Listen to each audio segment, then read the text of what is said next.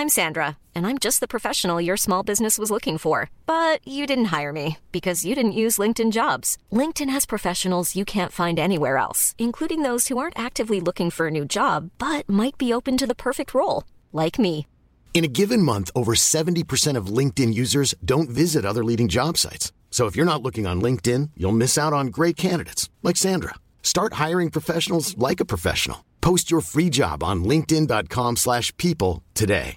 Hey, I'm Ryan Reynolds. Recently, I asked Mint Mobile's legal team if big wireless companies are allowed to raise prices due to inflation. They said yes. And then when I asked if raising prices technically violates those onerous two-year contracts, they said, "What the f*** are you talking about? You insane Hollywood ass."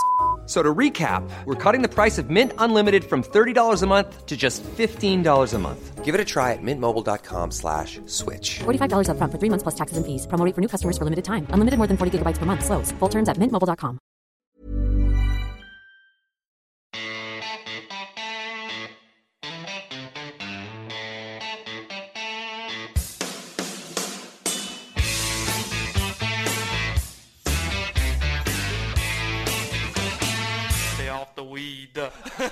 Det nærmer seg jul, og i den anledning så fortsetter vi med det som har blitt en eh, tradisjon, Marius. Ja. Ja, Helt riktig. Fornøyd med det? Ja, det er veldig hyggelig at vi har eh, etablert en sånn uh, fin tradisjon. Det er det absolutt. Vi vet den er etterspurt. Vi, har fått, vi har fått pes for at det her har drøyd ut. Så det er bra vi kan levere. Så fikk vi beskjed på kort varsel her, og da er det jo bare å avbestille flybilletter hjem til jul og alt som er. Politi, Eh, Victor, eh, politiet sport- skal eskorte fra Gardermoen, stoppe trafikken. Sånn skal være. Ja. Victor Hovland, eh, tusen takk for at du igjen stiller opp eh, her, og velkommen hjem til Norge. Takk, takk. Kjempehyggelig å være her. Hvordan eh, har du det? Nei, det har vært kjempebra. Det har vært deilig å slappe av litt. Og ja, komme hjem til eh, hvit uh, vinter i Norge og litt kaldt. Det er greit å kjenne litt på det og, og ja, bare slappe helt av, for det har vært et ganske hektisk år. Så ja, bruke den tiden her til å la det ja, reflektere litt og, og la det alt virkelig syn- synke inn, da. Mm. Hva har du, hva har du gjort den siste tiden, egentlig? Ja, Så det er jeg vi, prøver å finne ut av. vi har vel ikke sett deg nå siden eh, Du har ikke spilt så mye den siste tiden etter Dubai-finalen, er vel det siste? Hva, eller Bahamas. Bahamas. Bahamas, stemmer, stemmer. Mm. Men eh, har Det det kan vi like gjerne glemme, men Ja, det var det. Utenom siste runden. ja, det var fint. Jeg Prøvde å pent Jeg prøvde å si det på en pen måte. Nei, men har det, har det vært, du skulle til Florida. Hvordan har det vært å bo der litt? Grann? Nei, jeg har vært, uh, vært hos Ventura nå eh, de sikkert par måneder nesten, sånn uh, av og på, frem og tilbake. Uh, det har vært kjempebra. Prøver fortsatt å, å mm, bli kjent med området litt, se om det er noe for meg. Um, positivt er jo at det er nærmere Norge, så lettere å reise frem og tilbake og dra til turneringer i Europa og litt sånt. Og så um, ja, føler jeg at eh, i hvert fall når Kristoffer er der og litt andre folk som jeg kjenner. da, Det er greit å ha folk du, du har lyst til å trene med og folk du trives sammen med. da, og ja, Jeg tror det har vært veldig bra for oss begge å, ha hengt sammen. da. Mm. Ehm, det har, du har jo vært i Oklahoma nå i syv år, er det vel, siden du Ja. flytta til USA. Mm. Eh, hvordan har det vært altså, Du har jo selvfølgelig du har jo vært mye i Florida før, men nå har du liksom starta på en prosess der du kanskje skal ende opp med å bo der. da. Hvordan har liksom eh, kontrastene vært i forhold til det du har vært vant med nå så lenge? Ja, nei, jeg, jeg digger Oklahoma fordi folka der er så, er så Det er så bra mennesker, da. Ehm, alle sammen som jeg henger med, de har enten gått på Oklahoma State, eller eh, de har drevet med golf, og vi er på en måte Det er et skikkelig community-feel rundt det, da. Eh, når jeg drar til eh, Oak Tree National, som jeg liker å dra og trene på, så er det mange andre spillere som jeg har gått på, på skole med, andre som har vært på rivalskolen vår. Mm. Og vi er der og møter opp hele tiden og spiller games og, og snakker drit. Og så er det flere generasjoner av folk som har gjort akkurat det samme som oss, da. Mm. Som fortsatt er en del av den uh, del av den klubben og kommer til fotballkamper. Så det er, det er sånn skikkelig community. Alle bryr seg om hva de andre driver med, og, og heier på hverandre. Så det, det er jo fett å være et sted hvor det er sånn. Uh, og jeg tror den største endringen ved å være i Florida er at uh, det er jo mange, mange folk fra New York som liker å ha feriehus i Florida, og kanskje tar den eh, New York-kulturen eh, Med seg. med seg ned Mm. dit. Så jeg merker det at på en del av klubbene der så er det veldig uh, hva, hva heter det på norsk? Liksom pretentious, da, så veldig stuffy. Mm. Uh, ja, det um, Mye regler, og du kan plutselig liksom betale masse, masse penger for å bli medlem av en klubb, da, og så må du ha skjorta nedi buksa og si yes sir og ta ut caddy hver Du gang du, sier skal yes, spille golf. Nei, det kommer an på hvem det er, men Det er men veldig stivt, da. Ja. Uh, veldig mye regler, det er liksom det Det er jeg ikke fan av i Nei. det hele tatt. Men uh, da, da gjelder det å prøve å finne visse baner der borte, og visse steder hvor jeg har en gjeng som jeg trives med, og klubber hvor jeg kan gjøre litt mer det jeg har lyst til å gjøre da. For det er jo det Jeg er jo på jobb når jeg er der på golfbanen, mens de folka som har litt penger som kommer fra New York eller andre steder, da, de, de er jo der for å ja, kanskje vise seg litt mer frem og, og, og prate og, og alt det der. Så det, det er ikke helt det Grunnen til at jeg er der. Um, Er det noen flighter du har, har, har du, du har ikke havna i sånne random flights, har du det? Nei, men eh, det er jo mye, eh, mye steder hvor eh, når du ikke er medlem, ikke sant, så er det du må, du må spille med en medlem for å få lov Mm. til å spille der. Og så må man gjerne da ha en caddy eh, hver gang du skal ut og spille, da. Um, på visse baner der nede. Så det er bare Det er noe man må bli vant med, rett og slett. Uh, eller finne visse baner hvor det ikke er nødvendig, da. Så det er jo det jeg er ute etter. Ja. Eh, jeg kan Filtrere vekk de filtrere vekk Ja. det, rett og slett. End, eh, Ja. Men så er det jo av og til, for det er jo bra baner, og det er jo kult å networke med andre mennesker og, og, og treffe andre folk, men da, ja, da kan man gjøre heller det en minoritet av ganger, da. Hvis man gjør det hver gang, da, blir, da tror jeg fort blir gæren. mm. Men det er, Har vans du- det er vanskelig å slå været der nede. Det, det, er jo, det er jo et godt poeng. Ja. Eh, det er jo um, et sted, eller et område Er det Palm Beach Gardens Ventura bor i fortsatt, eller? Ja, Ja. stemmer. Eh, det er jo en del andre stjerner som bor der nede. Har du trent med noen av de ennå?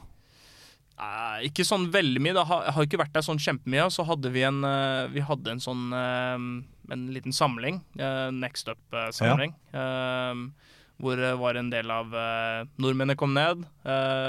og vi var med Per Heidenreich og, og trente på Lob Lolly og MacArthur. Og så spilte vi Seminole den ene, ene dagen. Så da var vi ja, så det var jo, da var vi ganske busy med det, så jeg har jo bare hengt med de gutta og vært for det meste med Ventura på Floridian. Um, det husker vi jo vi var med Det var der vi var med når vi var besøkt. Stemmer. da. Ja, ja, det er fett sted. Men jeg har også, sånn som Fitzpatrick invitert oss begge til eh, Grove, den Michael Jordan sin eh, Ja. bane der. Og så, ja, vært og hengt litt med de andre gutta, men veldig, veldig lite, egentlig. Um, prøver fortsatt å finne litt ut av området og hvor jeg har lyst til å være, og hvor jeg ikke har lyst til å være. Ja. Få ta en runde med MJ i 2024, da. ja, ikke sant? Um, Marius, skal vi begynne uh, Vi pleier jo å ha en eh, liten sånn gjennomgang av året som har vært. Nå kan vi jo bare allerede si nå at uh, nå har jo du, Viktor, vært eh, i eh, kinosalen vår og hatt en eh, ganske fyldig gjennomgang av de tre seirene du hadde. Mm. eh, de ganske tre store seirene du hadde. Og. Så jeg tror ikke vi legger så mye vekt på de. De får heller folk eh, høre mer om eh, i det programmet da, som kommer på Discovery Pluss. Men eh, vi kan jo bare begynne. Jeg tenker vi eh, Vi skal ikke snakke så lenge om Phoenix, men grunnen til at jeg ville nevne Phoenix, er jo at eh, heller ikke i år så ble den turneringen det helt store for deg. Nå er det jo ikke lenger en Mm. elevated event som kanskje du er en av de som tenker ja ja, det er like greit. er det siste gang vi har sett deg i Phoenix? Ja, jeg tok, jeg tok Phoenix i år som en seier, for jeg klarte faktisk cutten denne året. Kanskje det var springbrettet til Ja, sesongen? det er kanskje det. Nei, så Nei, har jo ikke spilt noe særlig bra golf der, men da der fikk jeg var enda sjokka over eh, liksom hvor kaos den turneringen er, da. Så sånn hull ti på søndagen, det er jo Det er rett ved hull 16, selvfølgelig. Mm. Ja, det. Det var jo det var enda sykere enn hull 16 omtrent. Så det er bare hull 10 midt på runden, liksom. Så er det, det er helt bananas. Jeg fikk helt sjokk. Uh, men uh, jeg vurderer å spille den i neste år, faktisk. Eh, det blir nok mest sannsynlig så blir det Pebble Beach, Waste Management og Riviera. Ja. De tre på rad. Um, så jeg tror, det, jeg tror det blir greit. Mm. Um. Banen, banen i seg selv er vel ikke noen sånn dårlig match, egentlig. Nei, det, det er bra. Eh, jeg tror jeg har bare slitt litt eh, Ja, jeg sleit litt med en venstremiss uh, de siste gangene jeg har spilt der. Og venstre er liksom der man ikke kan misse, egentlig, på den banen. Så med det nærspillet som jeg hadde før, når griner blir så harde. Mm. Man må ha mye spinn på ballen for å få ballen til å stoppe, og det, da sleit jeg rundt der før. Mm. men nei, jeg tror vi kommer til å bli bedre rusta neste år. Høres bra ut. Um, apropos nærspill. Uh, jeg tenker første fokuspunktet kan være eh, Genesis. Um, der ble jo vi første gang presentert for Joe Mayo. Uh, Ja. Denne karakteren som jeg første gang Jeg husker jeg kom ned der um, når jeg dekka den turneringen på tirsdagen, uh, og så en eller annen fyr i ei topplue drive og springe over fairway og hoie og skrike og var helt baluba. Og så plutselig skjønte jo at uh, dette var jo ikke en uh, kompis du hadde med deg, det var jo faktisk eh, en fyr som sto og viste deg litt Mm. teknikk og sånn. Og så um, fant jeg ut i etterkant at dette var jo første dagen han var med deg og begynte å trene nærspill. Ja. Uh, gi oss litt insight fra den. uh, nå var du jo med han før det, du var jo med han i, i Waste òg og, og litt sånn, men det var jo den uka dere liksom begynte med nærspillsarbeidet. Da. Hvordan var den uka for din del? Ja, de første, kan du si, første par månedene så var egentlig fokus bare på langspillet. For det var derfor jeg kontakta han. Jeg hadde slitt med en venstremiss, uh, og jo mer jeg prøvde å slå fade, så, så gikk ballen egentlig bare begge veier. Ballen gikk med venstre. Så de første ukene var det egentlig mest fokus på å få ballstriking tilbake. Uh, den var ikke 100% der akkurat der og da, men eh, den, den gikk riktig vei. Jeg begynte å slå bedre og fikk litt mer trua på den. Men Waste Management, så selv om jeg ikke var noe særlig fornøyd med måten jeg slo ballen på, så tapte jeg tror jeg fire slag rundt grinen denne uka. Eh, så da var det liksom Ja, langspillet kommer til å bli bedre hele tiden, men akkurat nå så må vi, vi må ta fatt i nærspillet. Um, og det var egentlig da huske på den uh, nede på rett til høyre for hull 1. Uh, så um, introduserte han det med uh, spinloft og prøve å slå mer ned på ballen. Uh, og da måtte jeg flytte hodet mitt mer frem i baksvingen og føle egentlig bare at jeg bare begraver vegen nede i bakken. Mens jeg da liksom beveger meg oppover, da. Men det, det skjedde naturlig, bare når han fortalte meg det. eneste han sa den dagen, var bare Føl i baksvingen at hodet ditt går fremover. Og så trente jeg det med Sander Shuffley i bunkeren. Og Joe er jo ikke akkurat uh, sjenert, så han uh, begynner jo å snakke med Sander og, og begynne å ta video av uh, han, da. Ja. Og, og bare viser den til meg, og så ser jeg faktisk wow. Hodet hans beveger seg ganske mye venstre i baksvingen. Og hofta hans og alt sammen beveger seg enda mer venstre i nedsvingen. Mens mine hofter da går jo Jeg går jo naturligvis litt til høyre i baksvingen. Og hofta mi nesten roterer rundt seg selv, da, så jeg nesten jeg, blir vel, jeg setter meg nesten tilbake på høyrefoten. Da er det veldig veldig vanskelig å få en innfallsvinkel som er bratt ned på ballen.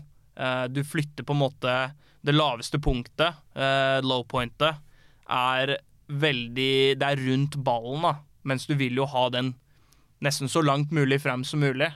Og med en gang han begynte å fortelle meg det, så, så skjønte jeg det. Den, den første sessionen der var utrolig bra, og jeg slo slag som jeg aldri hadde slått før. Ballen kom ut mye lavere, men den hadde sykt mye spinn. Uh, og da skjønte jeg at det her, det her er riktig, liksom. Fordi eh, Og det var det Joe fortalte meg også, at uh, når du kan slå et firejern 215 meter opp i lufta og slå den til tappen liksom, på et par femhull, da, da kjøper jeg ikke det argumentet at det, nei, men svingen din den egner seg ikke for å slå et bunkerslag. Altså det, det, det, det skjønner han på en måte ikke. Det er bare det er fysikk og matte. Og hvis du skjønner de prinsippene og hvordan du kan manipulere disse tallene med din goalswing, så, så burde det her være mulig.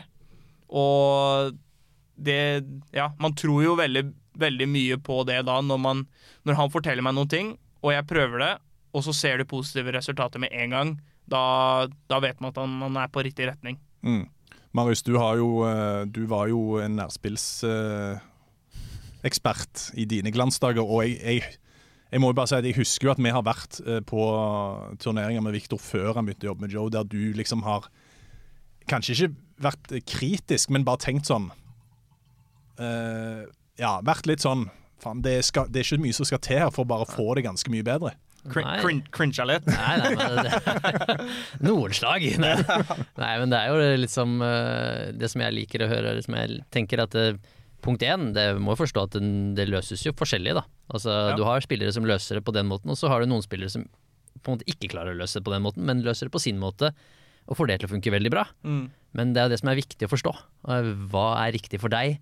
Og det er det som sikkert skjedde for deg da. At okay, da, der gikk, der ble 1 og 1 2 da, Ja. for din del. Jeg skjønte Ja, at dette funker. Uh, men jeg, jeg kjøper det argumentet til Mayo er vel basically det samme som jeg har sagt litt sånn i TV-sendingen nå, at liksom, jeg nekter å tro at ikke han her kan bli god i nærspill. Mm. Fordi du er ikke en så god golfspiller, og så klarer du ikke å kippe tolv meter framover eh, og kontrollere hvordan den kommer ut. Det, den er jeg helt enig med Mayo i. Også, som du sa, altså, det, jeg har alltid følt at det ikke har vært så mye som skal til.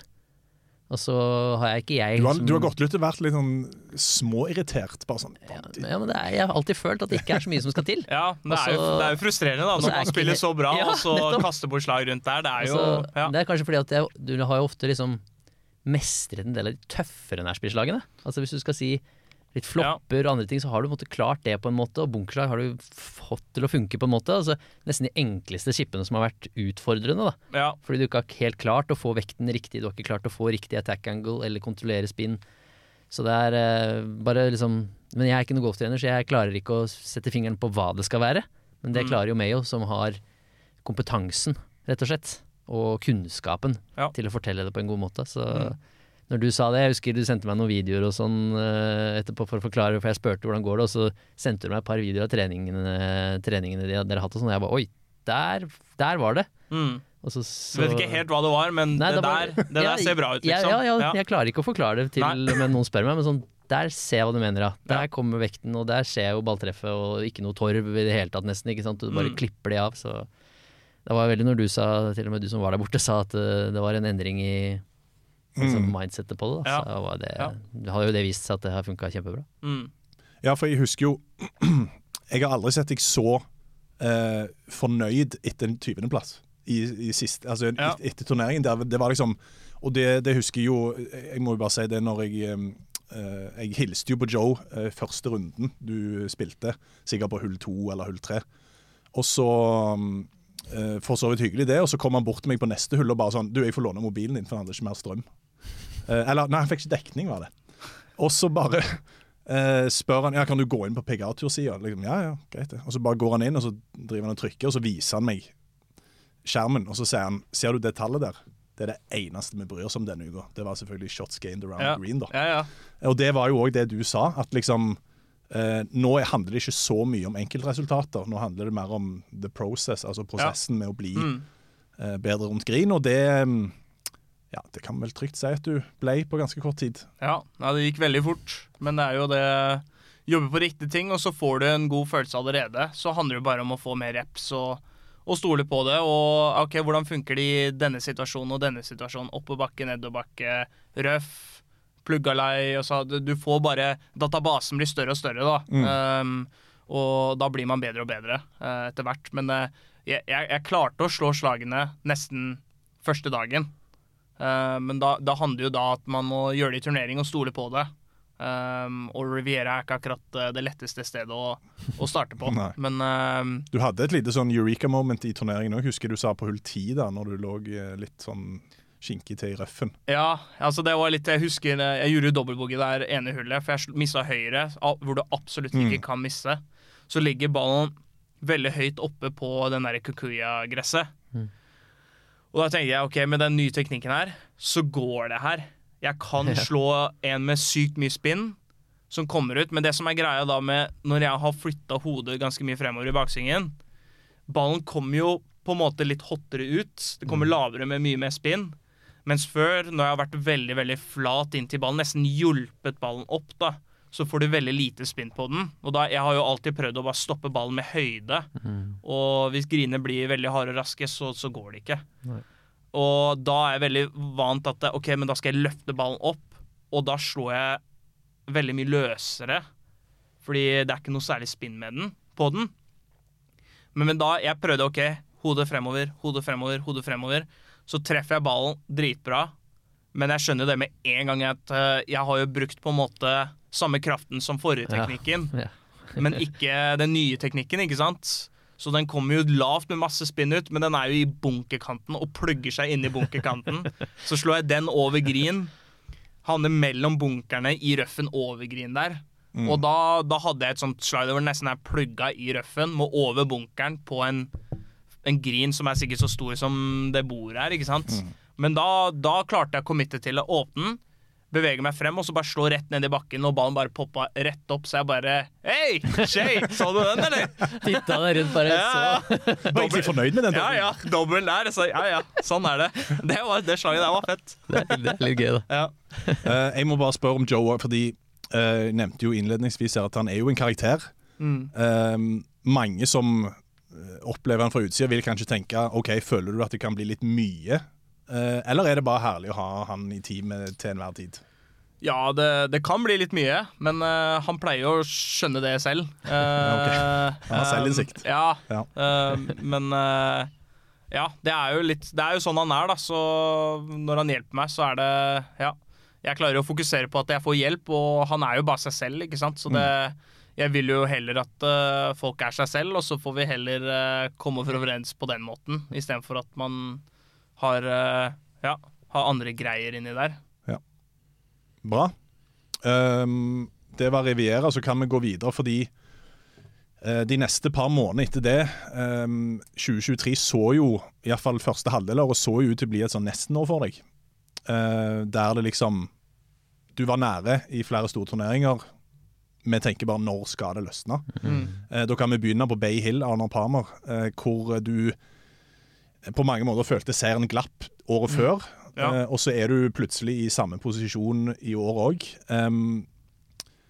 vi må jo ta med uh, Vi kan jo ta med åpningen på turneringa først, da, Marius. Ja, jeg mista det klippet her, da, selvfølgelig. Ja, Så men du kan jo Du starta jo turneringen, hvis du husker det, Ja, stemmer det. på hull 1 der på torsdagen. hull 10. Hull 10, mener Ja. sorry. Mm, første hullet på dagen, ja. ja, ja. Eh, med å hulle ut der Mm. eh, for Eagle, så det var jo helt greit.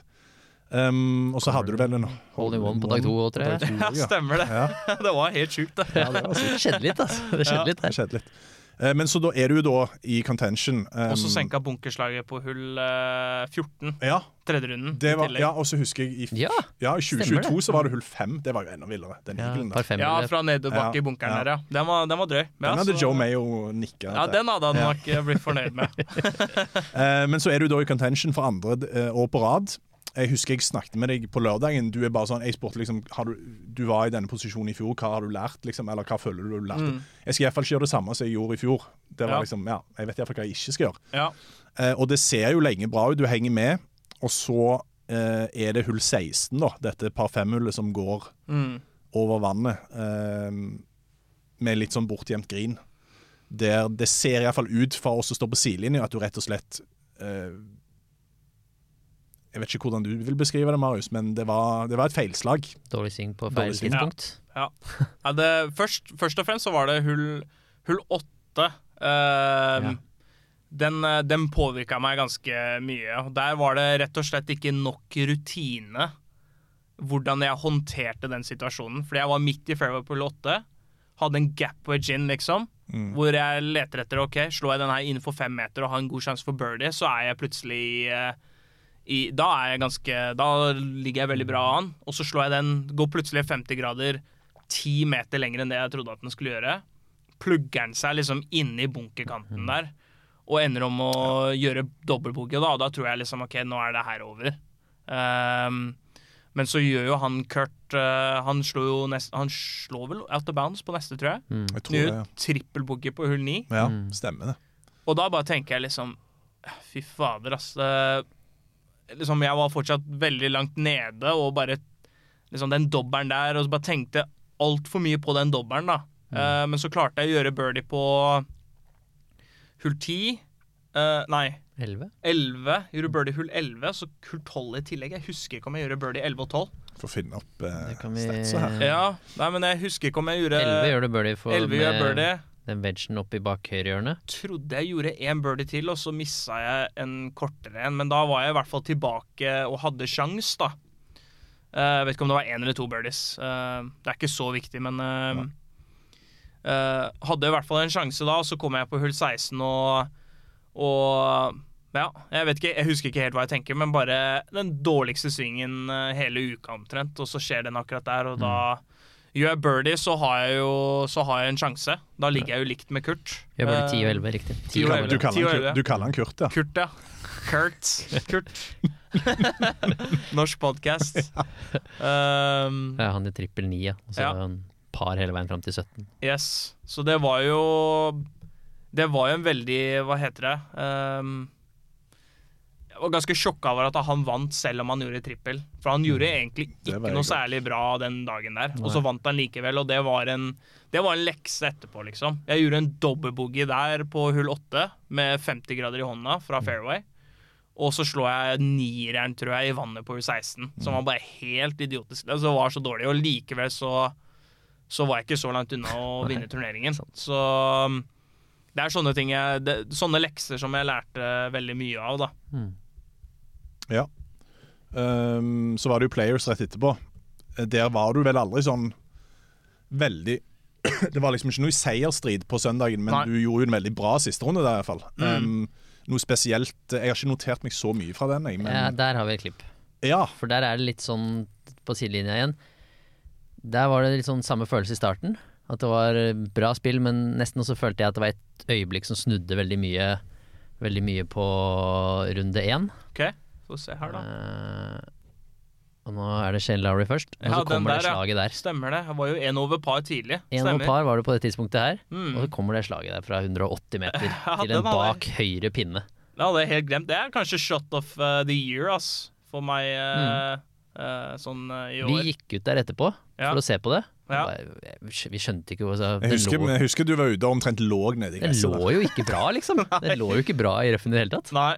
Uh, så et femjern i tidlig med, det, med den slopen her. Ja. Det var jo liksom bare OK, åpne bladet litt, så bare slår vi oss, og håper den kommer på grinen. Mm. Uh, og så legger den så inntil. Da, da føler man jo at ting går andre veien, da. Uh, så vet jeg ikke om jeg gikk én eller to under den første runden. Kommer tre til. Det kommer tre birdies til derfra inn. Å ja, såpass, ja. Yes, Ja, det, ja. kom, det var det som derfor jeg mente det, det at var- det snur ja, ja. det. For det, etterpå der så kommer det tre birdies inn, og så blir det 69 ja. i stedet for En pluss én. én eller på par der, eller noe sånt. Så du svarer jo på den, og tydeligvis Åpner uh, kontoen åpner kontoen litt, litt og, Ja. og snur et eller annet i mindsetet. Jeg, jeg sier ikke at du har dratt med deg dommeren fra åtteren på Bailey hele, veien veien dit, liksom, nei, men nei. der virka det som bare på den turneringen så snudde et eller annet, da. Ja.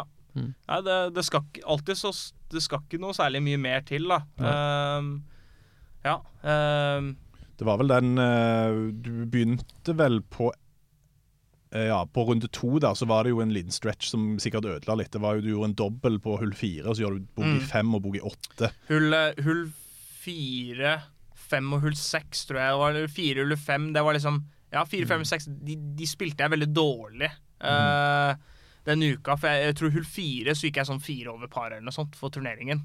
Så det, og det er jo en av de lettere hullene. Ehm, så det, det er liksom der jeg tapte turneringen på, da. Men igjen, når Scotty spilte som han spilte, så er det, det er ikke så mye man får gjort med det. Nei. Men uh, det er jo der uh, Det er sånne low hanging fruit da, som, som man kan endre på. Altså, jeg kom på tredjeplass og er happy med det, men fikser man Eller gjør man ikke sånt, da, så, så er man jo enda vanskeligere å, å slå.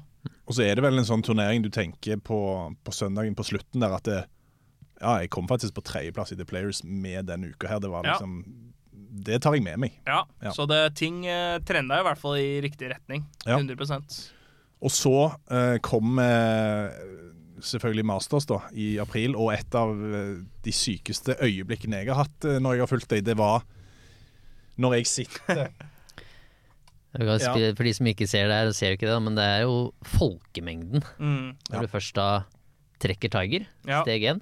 Steg to, får presentert den Biken. Det må også merkes at du, du trekker Tiger og ikke kjører ikke hvit og svart. Nei, nei, Nei.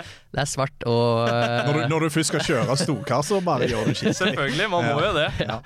Men hva tenker du liksom når du ser det bildet der og ser de enorme altså, Hvilken følelse jeg, skal ikke stille spørsmålet hvordan var det å spille med Tiger, det er feil spørsmål, men merka du den forskjellen? Ja, det Den gjør man jo. Det gjør man jo 100% Jeg merka at det var sånn når jeg så trekningen, så var det sånn Holy shit. Mm. Uh, Det skrev faktisk jeg òg. For da har du ikke spilt med han før det. nei, og jeg føler at jeg trener ganske bra. Jeg spiller bra og har jo lyst til å vinne Masters, liksom. Mm. Og da er det, det, det blir på en måte et ekstra press på toppen av det, da. Mm. Men jo mer, så første reaksjon var sånn Holy shit, det var nesten som at jeg ikke ville det. uh, men jo mer jeg tenker på det, så er det sånn Altså, hvis, hvis du skal vinne Masters, da, Mm. så kan du ikke være, du kan ikke være nervøs for hvem du spiller med. Det blir, det blir helt dust, liksom. Du har ikke null sjanse å konkurrere mot de gutta der hvis du er redd for å spille med noen. Altså, det blir helt Det er bare helt irrasjonelt, da. Mm. Og da bare syns jeg det var OK, nå skal, vi, nå skal vi bare prøve å gruse gutta, liksom. Det, var bare, det var det som var tankegangen. Og så er det jo fett selvfølgelig å se eh, altså en av tidenes beste golfere manøvrere seg utpå der med, på ett ben, og likevel klarte cutten, Ja. liksom. Jeg får la merke til hvor Ja. mye han sleit fysisk sett. Ja, og han spilte ikke noe bra Nei. heller. Nei. Og likevel så klarer han cutten der. Altså, det, det, er, det er liksom veldig, veldig imponerende, da. Mm. Sånn eh, ellers, når du bare ser scoren og bare Ja, det er Tiger Woods, liksom, hvem bryr seg? Men bare måten han kom seg rundt på, det er eh, det er, det er masterclass. Um, og så var det jo Det her må jo være faktisk en av høydepunktene, i hvert fall for min karriere, av alt jeg har Mm. gjort. eh, altså vunnet FedEx Cup og vunnet turnering, men å spille med Tiger første gang og gå syv under par en første runde på Masters eh, og lede, da, det var eh, Det var dritkult. Jeg husker jeg måtte gå tre- to-tre hull foran for å i det hele tatt se Ja. noe der ute. Så Tenk at den pikeen der solgte ut. Ja, tror du den ligger ute på eBay et par eksemplarer, eller nå? helt sikkert. Den, eh, ja, det tror jeg. Noen som har tatt litt mye LSD før de, før de har uh, designa den. er kombinert med første runde på august, da, det er ikke dumt. Ja, det er ikke dumt, det. Men var, det, var det noe trygghet i å få shuffle ved siden av?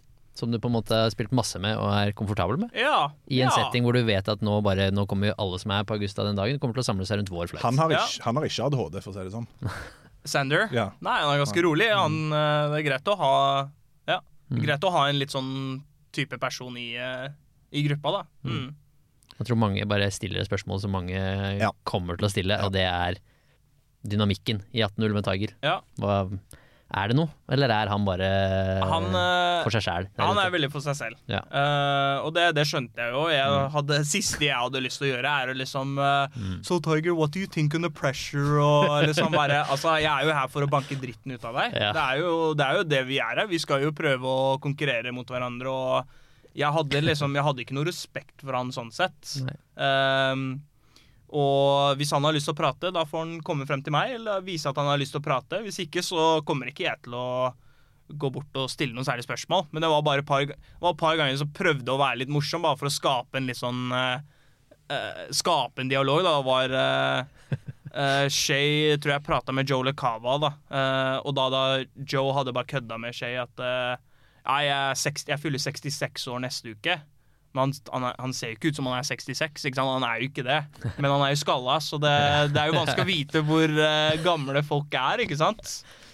Og så bare There's no Skjer bare There's no way 66. Og så bare uh, gikk Tiger ved siden av. Han bare gikk der og hadde en liten Liten smirk, da, liksom smilte litt ved siden. Så sa bare There's no chance. I mean, Tiger looks older than than Joe does.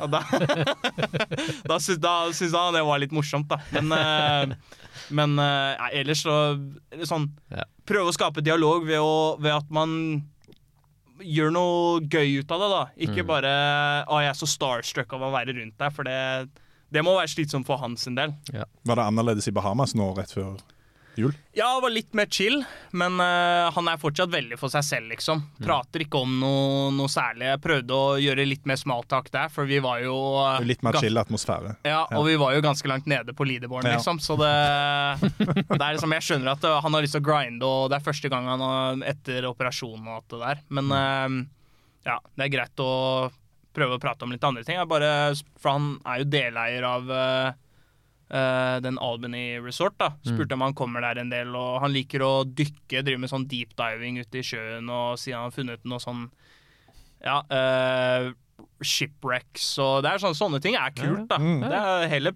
heller prate om sånne ting. Ja. Får du noe Du sa det selv, det blir syv under på første runde der. Får du Mm. noen kommentarer etter det? For du spiller en relativt solid golfrunde der. Ja. Nei, det, det var ikke Det noe er ikke noe well done, De- eh, liksom. De sa én ting um, uh, Fordi jeg hadde tydeligvis den ene beltes, uh, beltloopen. Jeg hadde mista en beltloop. Så, så de Det så det det får, ass. ja, de, ja, de hadde sett den i hele dag, da. Så bare I didn't want to tell you after, uh, liksom before after the Brought round. da. good luck. Ja, ja.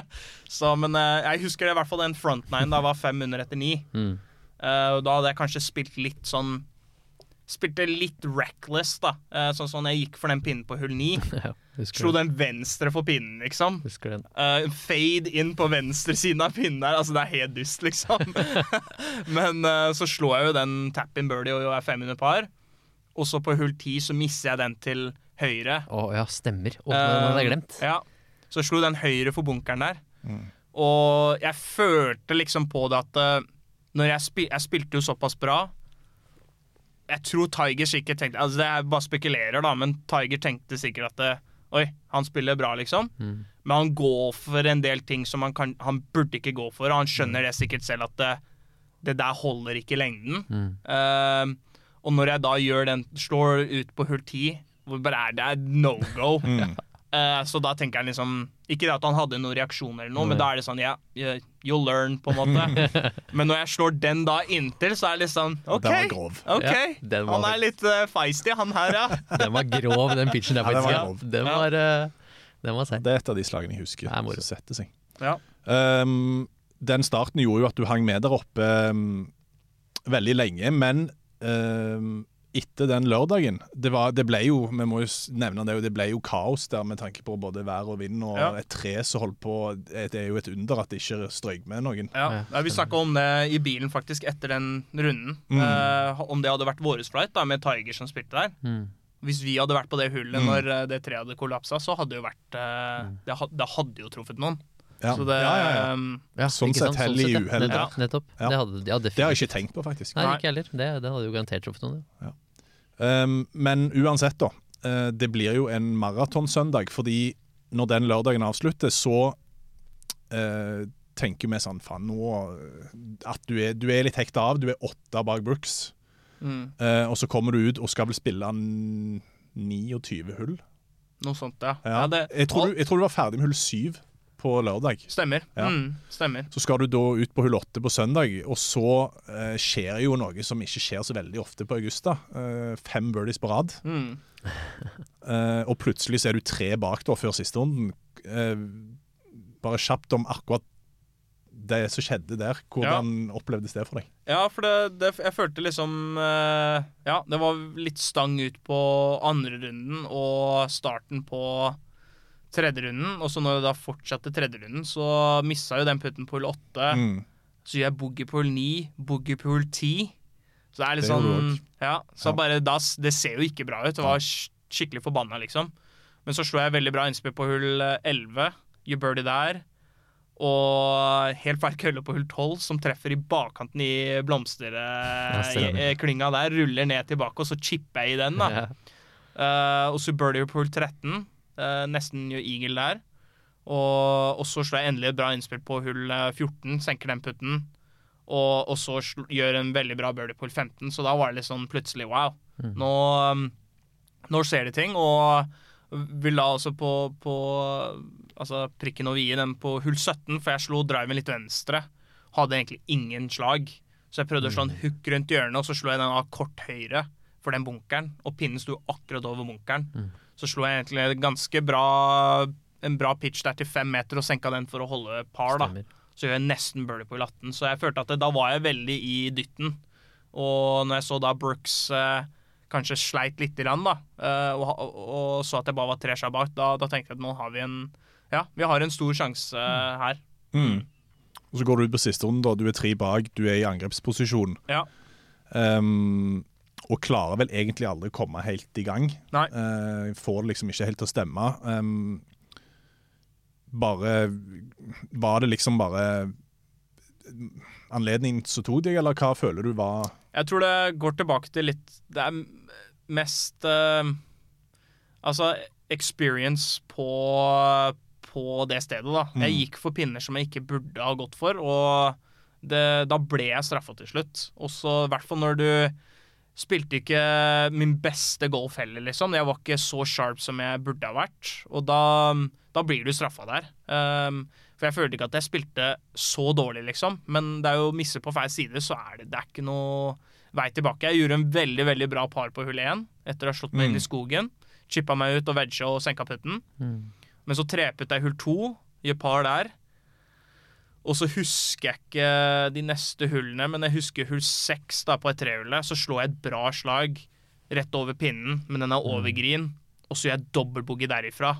Og da er, det, da, er du for langt, da er du for langt bak, rett og slett. Og det er jo det Du kan slå bra slag, men likevel eh, gjøre dobbel og, og være ute av turneringen. Og det er jo Der må du ja, må ha virkelig kontroll på lengdekontrollen og rett og slett bare misse på feil side. Én ting er å slå den litt over green, men du kan ikke slå den da kort av green igjen, og så forbi, og så misse putten. Det er liksom det Gjør du én feil, så må du komme deg ut av den feilen med en gang, da. Mm.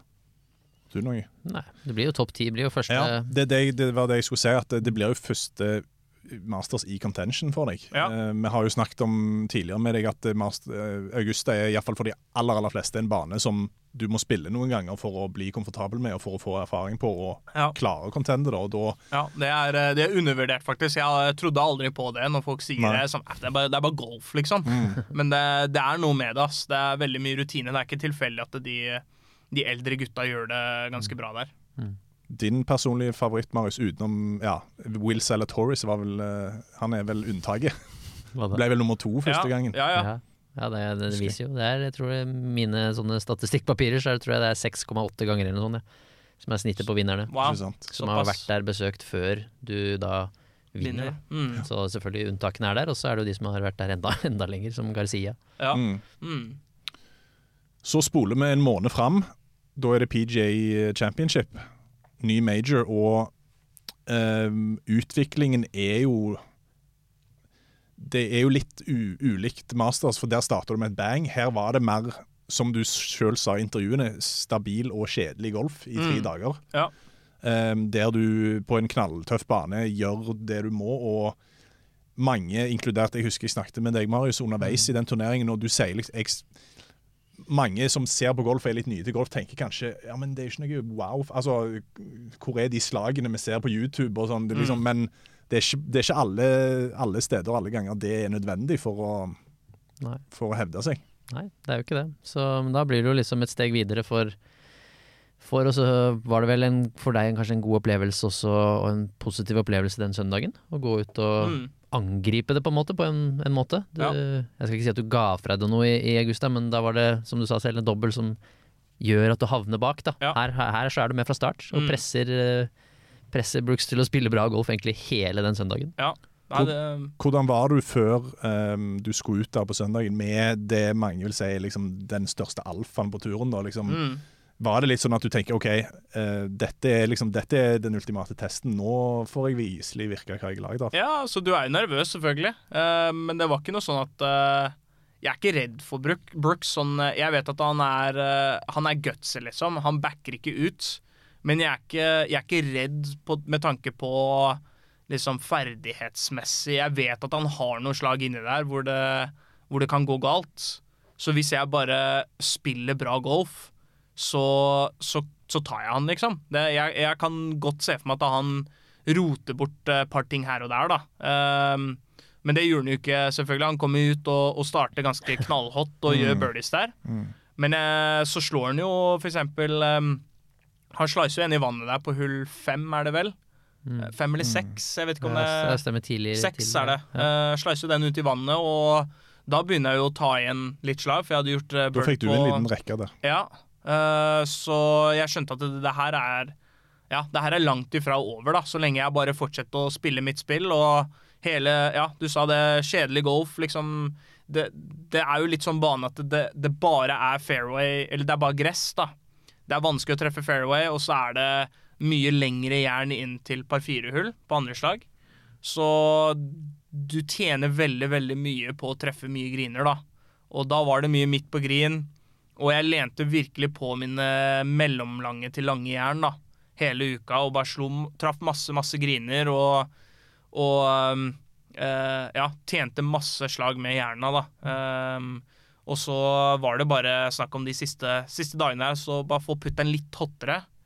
Og klarte å senke et par putter, og da var vi, da var vi der. Uh, selvfølgelig, det var jo kjipt det på hull, uh, hull 16 at den går i bunkerkanten, liksom. Men uh, i det hele så var jeg Ja, det var Jeg var bare veldig positiv over egentlig hele uka. At uh, shit happens. Det var ikke Altså, ja. Um, ballen lå liksom i nedoverbakke, og det er vanskelig da, når du ligger i nedoverbakke i bunker, å på en måte løfte opp en ball, da. For du, for du skal jo gjerne treffe ballen først. Så jeg holder meg jo ganske langt fremme for å sikre meg ballkontakt. Men da i nedoverbakken så treffer jeg en litt, litt tynt i tillegg, og da kommer den så lavt ut. Eh, men én ting er at det gjør det, men 99 ganger da, så vanligvis så enten Ja, den kan legge seg fortsatt i bunker, eller så spretter den ut, og så har jeg fortsatt en wedge i hånda, ikke sant. Så det blir jo maks straffa der, og det, det er sånn som skjer. Um, men jeg følte ellers så så var det et steg i positiv retning, og var egentlig, det var bare positivt ut ifra den turneringen. Jeg føler iallfall for oss som så det utenfra, at det var et slags eh, Mange diskuterte både med Marius og mange andre at det var et slags vendepunkt for deg når det gjaldt den søndagen der. Fordi, Mm. sånn som du snakker om i, i på Augusta, du gikk for en del pinner som du kanskje ikke burde gått for. Her Ja. var det Her føltes det aldri ut som du eh, tok unødvendige sjanser og ble straffa for det. da. Nei. Her var det rett og slett at OK, det er bunkerslaget på 16, det kunne blitt omspill hvis du hadde gjort par der, da, for eksempel. Og det, det er bare sånn som skjer. Ja, det er sånn som skjer. Um, hvis, hvis Brooks vinner, så vinner han, men uh, jeg skal ikke gi det fra meg. Og Nei. det følte jeg ikke at jeg gjorde, selv om selvfølgelig jeg gjorde dobbelt med å slå i bunkeren der. Men uh, sånn rent spillmessig så følte jeg ikke at jeg jeg ga det ikke fra meg. Det var Brooks som måtte gå der og, og, og vinne, da. Og han gikk jo fire eller fem under den runden, så det går fire, 68 eller 67 slag, eller hva, hva enn han gikk, liksom, den runden der på Major Championship, siste runde, på en tøff bane, det Kudos. Det, det er bra spilt. Absolutt. Eh, har du sett den pressekonferansen du hadde etter PGA? Nei, men jeg var rimelig forbanna. Sånn har jeg aldri sett deg. Så forbanna har jeg aldri sett deg. Altså, det var enstavelsesord, og du bare Det bare så Det lyste bare Få meg vekk herfra. Ja, ja. Jeg skulle egentlig bare sagt nei, for det er jo bare hun ja, Skal ikke si noe stygt om Dottie, da, men uh, det var liksom De er jo der ute til å få kliks på TV, ikke Ja, ja, sant? ja. Og det er jo på min bekostning. Jeg har jo ikke lyst til å prate med de folka. Nei. Så Så ja. Så jeg skulle jo bare sagt nei. Ja, ja. Eh, men som eh, vi var inne på, dette blir jo et vendepunkt, og du eh, finner, holdt på å si, du knekker jo koden i Memorial, eh, som eh, vi var inne på kan høres mer om i dette programmet som kommer på Discovery Pluss. Men hvis du bare skal ta kjapt Bare en kjapp oppsummering av uka og hva du følte var eh, hovedgrunnen til at du fikk den etterlengta seieren i storturneringen. da, Fordi eh, meg og Marius har jo snakket om det. Det har eh, Mange PGA-turspillere er fornøyd med å bare vinne på PGA-turen, men Mm. vi har jo merka at du er ikke fornøyd med å vinne i- på Puerto Rico eller å vinne. Du skal vinne de store turneringene, og det har, ha, har det gnagd på deg? Altså, har, du, har det vært en sånn Nei, så det Ikke gnagd. Det er jo liksom, jeg syns å vinne er kult, liksom. Uh, uansett hvor det er, det er kult å vinne. Um, For det, det er ikke lett, ass. Det er jo ting Du skal spille veldig bra, men ting skal gå din vei i tillegg. Uh, og jeg følte liksom jeg hadde spilt ganske bra golf, men det hadde ikke helt gått min vei til slutt der for at jeg skulle vinne. Uh, og i Memorial så var det Ja, vi hadde en sjanse, men jeg, var jo fem slag bak der med ni hull igjen. Og så klarte jeg å vinne, så da var det sånn Fader, nå fikk vi, nå fikk vi endelig en, eh, en sånn big, eh, big time eh, da. Så ja, det er jo Når man ser på CV-en, så trengte jeg kanskje en litt sånn større turnering. Uh, I hvert fall en seier på fastlandet i USA. Um, Ikke, ikke noe mer Resort King nå? Nei, nei, nei. Men uh, ja, jeg, ja, selvfølgelig, man vil jo vinne de større turneringene, men nærspillet det det er utrolig vanskelig å vinne på de banene når du ikke har det nærspillet på plass. Og det, det var veldig, veldig bra at jeg klarte å vinne der, fordi helt ærlig, jeg føler ikke at jeg slo så bra som Altså, jeg har spilt flere turneringer hvor jeg slår banen mye, mye bedre, men det var bare alt kom til sammen, da. Selv om jeg slår dårlig slag, så kom jeg meg unna, senket en clutch putt på, på riktig tidspunkt og bare spilte Jeg spilte golfen veldig, veldig bra, da. Og da, da skjønte jeg på en måte det at wow, jeg kan vinne turneringer uten å spille mitt beste. Jeg må bare tenke bedre og spille smartere, og så må jo selvfølgelig ting falle på plass, da. Men da, ja. Jeg tror det endra veldig mentaliteten min, da. Eh, Så kan vi spole fram til mm, FedEx-sluttspillet og ja, altså FedEx St. Jude er det vel ikke så veldig mye å snakke om. Eh, Det gikk nå sin gang, og du kom vel sånn rundt 20.-plass, et eller annet sånt, gjorde du ikke det? Ja, 12. eller 13., tror jeg Ja, okay, det var. ja. Så decent det, da. Ja. Etter, eh, jeg var jo på nest sisteplass der etter 27 Ja, hull, så ja. Så den første dagen, og så gikk jeg vel hull 18 sikkert fire over par eller noe. Jeg slo Ja. tre baller i vannet på hull 18. Så det er sånn, det går jo an å være etterpåklok, da, men eh, jeg spilte jo veldig, veldig bra golf de tre siste rundene. eh, med eh, baller i vannet, liksom. Så det, der kunne det, det kunne fort ha blitt tre, tre kjappe på rad Liksom. Mm. Ja, men vi nøy, vi nøyde oss med to på rad i de to største. Og jeg husker jo at når jeg kom eh, Når jeg kom til BMW der, så sleit, var det noe sving-issues du hadde eh, før turneringa. Ja, Og kanskje altså, underveis òg. ja, ikke swing issues, men det er liksom eh, Ting sklir jo litt ut av og til, og det var bare ja, Nå hadde gamle synder kommet inni der og måtte bare få rette ut på det. Jeg tror ikke det var så Det var ikke noe veldig tekniske problemer, det var bare jeg hadde sklidd ut litt, grann, og, og så lot jeg det egentlig mentalt påvirke meg mer enn det det burde ha gjort, da. Uh, men jeg følte at vi var på riktig, riktig vei. Jeg hadde jo spilt bra de siste rundene i, i Memphis, og så var det egentlig bare å prøve å nullstille, nullstille seg selv da, og bare kjøre på. Ja. Og vi trenger vel Altså, de første tre dagene de var nå vel og bra, de, men vi trenger vel ikke bruke så mye tid på de. Vi kan vel egentlig bare spole etter søndagen. Ja. Og en av de sykeste rundene Kanskje Ja, det må vel egentlig være den sykeste runden jeg har fulgt, iallfall. Hvor uh, uh, Ja. Spesielt på back nine, da. Du går Mm. to, to under på front, og så bare skjer det et eller annet på back. Og for, for min, fra mitt synspunkt så jeg, jeg husker nesten ikke de siste ni hullene. Det, bare, sånn, det bare gikk. Det var akkurat som, en sånn, akkurat som et videospill. Ja, Hvordan var det for deg? Ja, det føltes jo litt sånn ut, da. Eh, det var OK, drive fairway, og så har vi en kølle, og så OK, der skal vi legge, legge oss, og, og så Ja, det tricks, tricky der med den banen er at eh, det er veldig fort gjort når de setter pinne på alle ulike sider på grinen, at eh, man sikter jo gjerne midt på grinen, og da får man gjerne tøffe big breaks til nesten alle hullene. Men jeg klarte på en eller annen måte å, å gi meg nesten oppoverbakkeputter på hvert hull. Uh, så det var jo kombinasjonen med at jeg traff nesten alle fairwayene. Uh, jeg slo jerna utrolig bra, fikk oppoverbakkeputtene, og så var det bare bang med putteren alle sammen. Så det var uh, Ja, det var som du sa, føltes ut som et eh, TV-spill, og ja, var i den såkalte flytsonen. Har du Du har ikke det slaget på hull 14? Nei, men vi kan Nei. tease med at uh, se det som kommer på Ja, Discovery ok. Plus, som vi har uh, spilt inn. Det vi, ikke, vi har gått nøye gjennom BMW og, Ja, og Eastlake der, så Nei, Det er jo, de et som- sånn Litt sånn som på Memor... Nei, på um, Players, som Ja. står igjen som liksom sånn OK. Mm. Ja. husker jo Skei vi, vi snakket jo mm. med Skei rett etter turneringen, og det var liksom bare sånn Det var Ja. det han sto igjen med, omtrent. Mm. Uh, ja, du gjør birdie på syv av ni og ender opp med å vinne. Uh, fordi blant Litt òg fordi Scotty Scheffler fortsetter å slite med disse kortputtene sine. Mm. Uh, men nå gjorde du jo Ja, jeg tror nok eh, de hadde slitt med å ta det uansett. Men um, uh, så går du av grinen der, så husker jeg du sier til Rory Rome's gonna be fun. Ja. Ja. Ja. Frampek mot hva som kom. ja. Og så går du jo inn, da.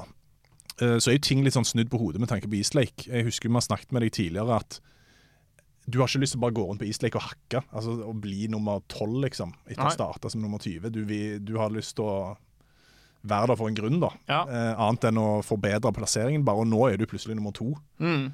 Og folk tenker sånn OK, han er jo nest, kanskje det største favoritten med tanke på hvor god formen er. Eh, hvordan var liksom, hvordan forandra mindsettet ditt til Eastlake etter den søndagen i, i BMW? Ja, jeg kom inn med masse momentum, selvfølgelig. eh, og følte det i hvert fall Og avslutta BMW på den måten jeg gjorde det, så følte Og Scotty sikkert litt forbanna fortsatt at han ikke klarte å vinne. Um, så jeg følte jo det, i hvert fall når vi spiller sammen den første runden, at eh, jeg har jo en del momentum, egentlig. Uh, og ja, det er litt samme mindset, egentlig. Den første runden så var det stille og rolig. Jeg spilte veldig bra, men jeg klarte ikke å senke noen ting. Slo mange bra putter som bare ikke gikk i. Eh, og det var ja, OK. 200 par, 68 liksom, og spilt Fått null ut av spillet. Da var jeg egentlig ganske fornøyd med. Så bare fortalte jeg meg hele tiden det her kommer til å løsne, jeg kommer til å senke litt putter. Jeg kommer til å få en stretch hvor jeg gjør noen birdies på rad. Og, og da, er vi, da er vi helt oppi der. Eh, og så fikk jeg jo selvfølgelig litt hjelp fra Sånn som Morikawa var jo i fyr og flamme tidlig i uka. Scotty hadde jo en eh, liten ledelse tidlig, og så falt jo de Eh, Uh, bakover de gikk i andre veien, og da, da føltes det bare ut som at det, spillet mitt ble bare heitere og heitere, og da klarte jeg å dra ifra. Jeg husker på lørdag, Etter lørdagen der så snakket jeg med deg, og så sa jeg liksom det at For min del så var det litt sånn Du spiller veldig bra i dag, men nesten alle så er andre som er der oppe, spiller faktisk gjør det en ganske dårlig runde. Og du Ja. var litt overraska over at det var tilfellet. Ja, fordi Ja, eh, i hvert fall Morikawa liksom hadde gått 61 første runde, og så spilte det var vel 64 eller noe sånt, tror jeg. 64-63 andre runden, eller Det var veldig høyt nivå på spillet, da. Og så virka det som at flere gikk over par på den tredje runden. Og jeg tror jeg gikk fire runder med å egentlig mistet en del putter kommende inn, da. Jeg var sånn litt bitter at eh, ja, seks lags ledelse, det er jo dritbra, men får jeg den til åtte, liksom, så, så sov jeg enda litt bedre. Så da var det enda litt uh, enda, Jeg var litt pissed over at jeg ikke gjorde birdie um, hull 16, 17 eller 18. Um, så Men uh, ja, Det gjør du sånn heldigvis på søndag. Ja, Ja. Nå skal vi ikke ta for mye om det, da, men uh, det var jo eh, å, å, sove på en sekslaget ledelse, iallfall i Tour Championship, er jo sikkert eh, en ny opplevelse og litt sånn ja, jeg, regner jo med at du var veldig klar på å bare holde deg til din gameplan og bare gå ut og angripe. Ja. Det var jo det du sa. ja. Eh, men det er jo klart, når Sander åpner som han gjør, så får du press på deg uansett. Det var jo tre slag der en periode. ja det, i hvert fall hvis jeg bommer den putten på 14, så Ja, det, det var jo Ja, det var det. Ja. Ja, da, da er det to slags ledelse med fire hull igjen, hvor mye kan skje. Uh, så det var uh, lukka på en måte Selv om døren ikke var helt stengt, så, så var det mot den veien der etter den putten der. Så det Ja, det er jo Man er jo klar over seks slags ledelse, det er veldig mye, og i hvert fall på mitt nivå. Hvis jeg spiller smart og ikke er helt idiot, liksom, så, så burde det her gå. Men ha respekt for at det mye kan skje, og det er ingenting er over. Så det, man må på en måte klare å, ja, å tenke, tenke klart, da. Så er det Ryder Cup. Ehm, og hvis Arnold Palmer åpner med et smell, så vet jeg ikke hva vi skal kalle den åpningen på Ryder Cup. der på hull 1. Jeg I alle dager. jeg hørte på når du var på podkasten til Smiley. Ja. Han var jo banereporter der ute, og Ja, ja. Han, han, han visste ikke hva han skulle si etter Nei. du hadde satt den. Eller, for det første så visste han ikke hva han skulle si når, du, når han så køllevalget ditt.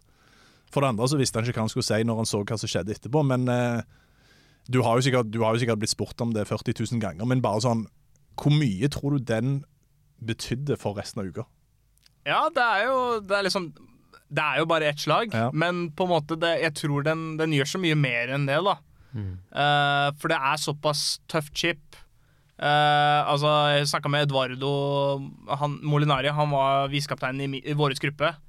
Og han bare tenker første hullet ikke, bare, bare ta putteren, liksom. Bare slå den ned der til 8-9 fot, og så la Ludvig putte den. Bommeren, så er OK, én ned, fine, whatever. Liksom, ikke gjør den, på en måte. Uh, for det er slå en dårlig chip, og så får man en dårlig reaksjon. Faen, jeg skulle, skulle ha slått en putter, og hva er det jeg For det kunne og... jo blitt litt sånn Hva holder han på med? ja, Ja. Det, det er fort gjort. Slår jeg den dårlig, liksom, så kommer, får jeg den altfor mye momentum over bakken, og da er den jo bakkant green, eller slår jeg den kort, så kommer den ikke over den kulen, og da er den jo veldig kort venstre. Men jeg bare Ja, jeg bare følte at jeg hadde Det her har jeg trent på, dette her kan jeg. Det her er eneste muligheten å få den nærme på, så da skal jeg bare gjøre det. Og så slår jeg bare en Slår jeg chipen, og så med en gang kommer ut, ruller perfekt, så bare ja, OK, den her kan ikke være så altfor dårlig, i hvert fall. Og så når den kommer nærmere og nærmere, så må jeg bare bevege meg videre og videre oppover, bare for å se at den går nærmere og nærmere, og så går den jo midt i. Og det var bare, Jeg visste ikke helt hva jeg skulle gjøre av meg. Jeg gjør én fistpump, og så når jeg går nærmere pinnen, så bare tenker jeg nå skal jeg gjøre en fistpump til, og så stopper jeg meg selv liksom halvveis. Jeg var bare helt, visst visste helt sjokk, liksom. Så um, ja. Hvordan var eh, Du kom inn som FedEx Cup-champion. eh, Egentlig det europeiske laget kom jo ganske hot inn der. Mange av de er i god form. Etter BMW, i hvert fall. Etter BMW Hele laget spilte jo bra der. Alle klarte cupen. Hvordan var dagene før med tanke på innspillsrundene, og det ble sikkert testet litt fram og tilbake. Det ender, med, ender vel med tre matcher med Ludvig, da, som mange utenifra håpet på. I og med at det er norsk-svensk, øh, og en med hatten. Ja. Hvordan var de dagene før med testing og sånn? Var, var det noen Ja, det var, andre du testa litt med? Uh, nei, vi, vi spiller jo sånn andre grupper og sånn, bare for å holde de amerikanerne litt på, på kanten, da, så de ikke vet hvordan vi skal stille opp laget. Mm. Uh, men vi hadde jo spilt nok sammen, og ja, det var egentlig ganske avslappa. Det var bare OK, hva, hva, hva er planen, hva skal vi gjøre? Og så var det bare å spille og, og bare bli kjent med banen, egentlig. Um, og spillet føltes bra ut. Um, og da var det egentlig bare å gønne på. Det var uh, Ja, attituden under Ryder Cup det var på en måte OK, vi, vi har det beste laget. Mm. Dere amerikanerne er på vår bane. Nå skal dere, nå skal dere få kjørt dere. Det var liksom det, den mentaliteten vi hadde i laget. Så blir det jo lettere når man har de fleste folka der som, som heier på oss, da. Ja. Man kan bruke man Hva kan, syns du egentlig om crowden? Ja, det var helt konge, det. Ja. det, det er jo man Alle har jo lyst til å klage på, på begge sider, liksom, at, det, det er, at man er ufine til tider. Men Mm. eh, det, er jo fakt det var jo faktisk en del amerikanere som dro over dit for å se Ja, på. Og um, de kommer jo på en måte aldri til å kjenne på det vi eh, føler på når vi spiller en borte Ryder Cup. Mm. Nummer én, det er ikke så mange amerikanere der, eller europeere der, og, og heier. Og sånn som i covid på Whistling Straits, da var det jo bare amerikanere. Uh, og i New York nå så tror jeg de kommer til å være mye mer ufine enn det europeiske fans uh, var her nå. Så jeg syns eh, sånn Prøver å være så upartisk som mulig, så syns jeg det var Det var liksom en fantastisk Ryder Cup. Mm. Connection med Mr. Aaberg, da. Hvordan, eh, hvordan var den liksom til å begynne med? Det er jo en latterlig god spiller, Ja, også. veldig. I kvalitet, rett og slett. Veldig imponerende å se på. Um, men du følte deres match Norsk-svensk så matcher man jo, på en måte, men ja, ja. jeg følte dere traff litt sånn kjemimessig og golfmessig også. Ja, det var eh, Jeg var liksom vanskelig posisjon. Vi, altså, vi snakker jo norsk og svensk sammen, og Ja. han er jo 23 år og vært proff i seks måneder, liksom. Ikke spilte major, og plutselig er du på Ryder Cup-laget. Og det her er jo bare mitt andre Ryder Cup. Mitt første hjemmebane, liksom. Har jo ikke vært proffe mer enn fire, fire år. Så plutselig liksom blir det satt på meg at jeg skal være eh, liksom eh, den voksne i gruppa og skal ta litt lederrolle, da. Eh, og jo mer jeg prøvde å gjøre det, så han, han var jo så rolig, virka det som. Jeg vet at han var jo nervøs innvendig.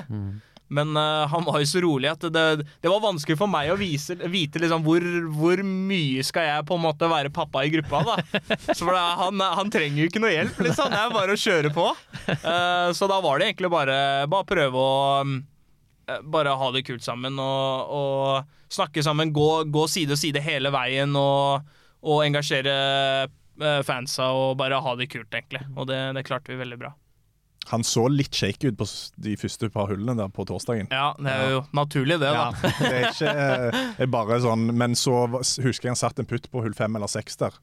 Og slå vel et ganske vasst jernslag på fireren der. eh, Ja, på det par så ja. Ja, stemmer. Det var vel egentlig det som snudde det. Roer det litt for han. Ja. da. Ikke at han slo noe i sånn veldig dårlige slag. Nei, eh, men det var par, ja, sånn par, par shortside som Ja. eh, bare Ja, den, den er litt unødvendig, liksom. Altså, greit, alle slår dårlige slag, Mm. men akkurat å misse på de sted, stedene Og så slapp vi jo inn, unna et par ganger, da. Eh, og så et par lag-putter som eh, kanskje var litt, eh, litt sånn kort på de. Men det er sånn så er, det er, Man er veldig pirkete, da. Men eh, det skjønner jo han jo selv òg, det er sikkert noe han jobber på. Men eh, eh, det er jo bare Det er sånn Ryder Cup er. Det, det får jo ut mye rart. Ja, mye rart kom det òg i spillet. Ni, ni Ja. opp med syv igjen Ja. mot Brooks og Scotty. Den, eh, den lar seg høre. Ja, ja den, var, den var kul, det. Jeg sa det, sa det til Ludvig eh, da vi var fem eller seks opp, liksom. Ganske tidlig at eh, altså, ja, vi kommer til å vinne den matchen her, men vi skal vinne med så mye som mulig. Vi skal liksom la det her bli et signal til de gutta bak, da. At ja.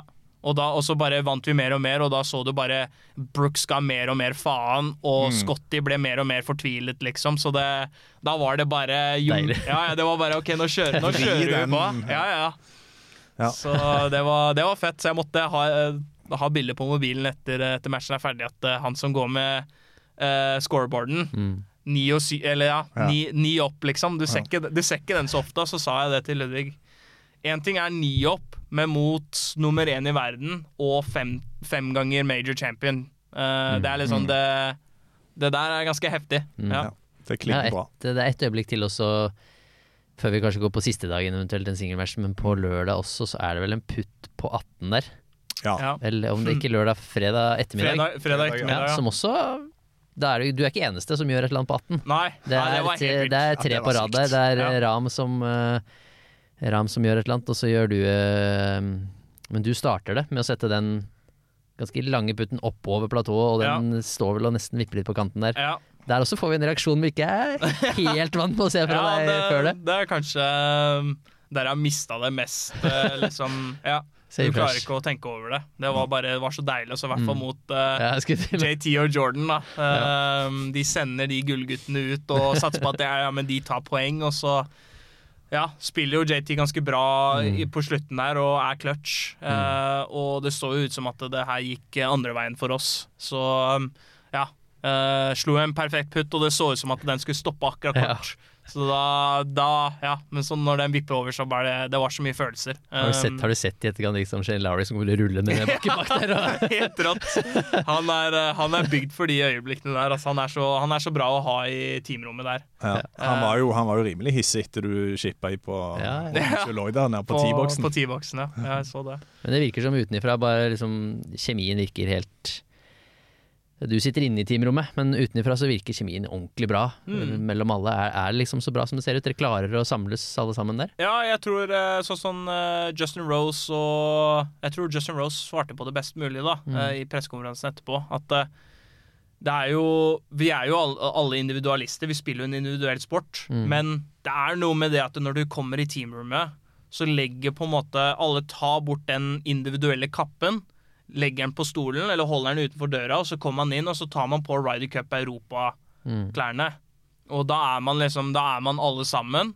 Det har ikke noe å si, liksom eh, eh, Jeg fikk så og så mange poeng, eller man skal skryte over hva, hva man selv har gjort. Da. Det handler bare om at nå skal, vi, nå skal vi slå amerikanerne, og da må man ha en viss uh, mindset, da, eller en viss kultur. Da. Og den, den kulturen er på en måte innebygd der på grunn av alle de folka som er rundt, og de som har eh, vært på laget før i tiden. Mm. Som Ja, det er eh, du, du føler det litt i veggene når du kommer inn, da. Ja, Det var iallfall for oss ut, som så utenfra ganske grei kontrast til Ja. teamfølelsen i Europa Mm. versus USA. Ja.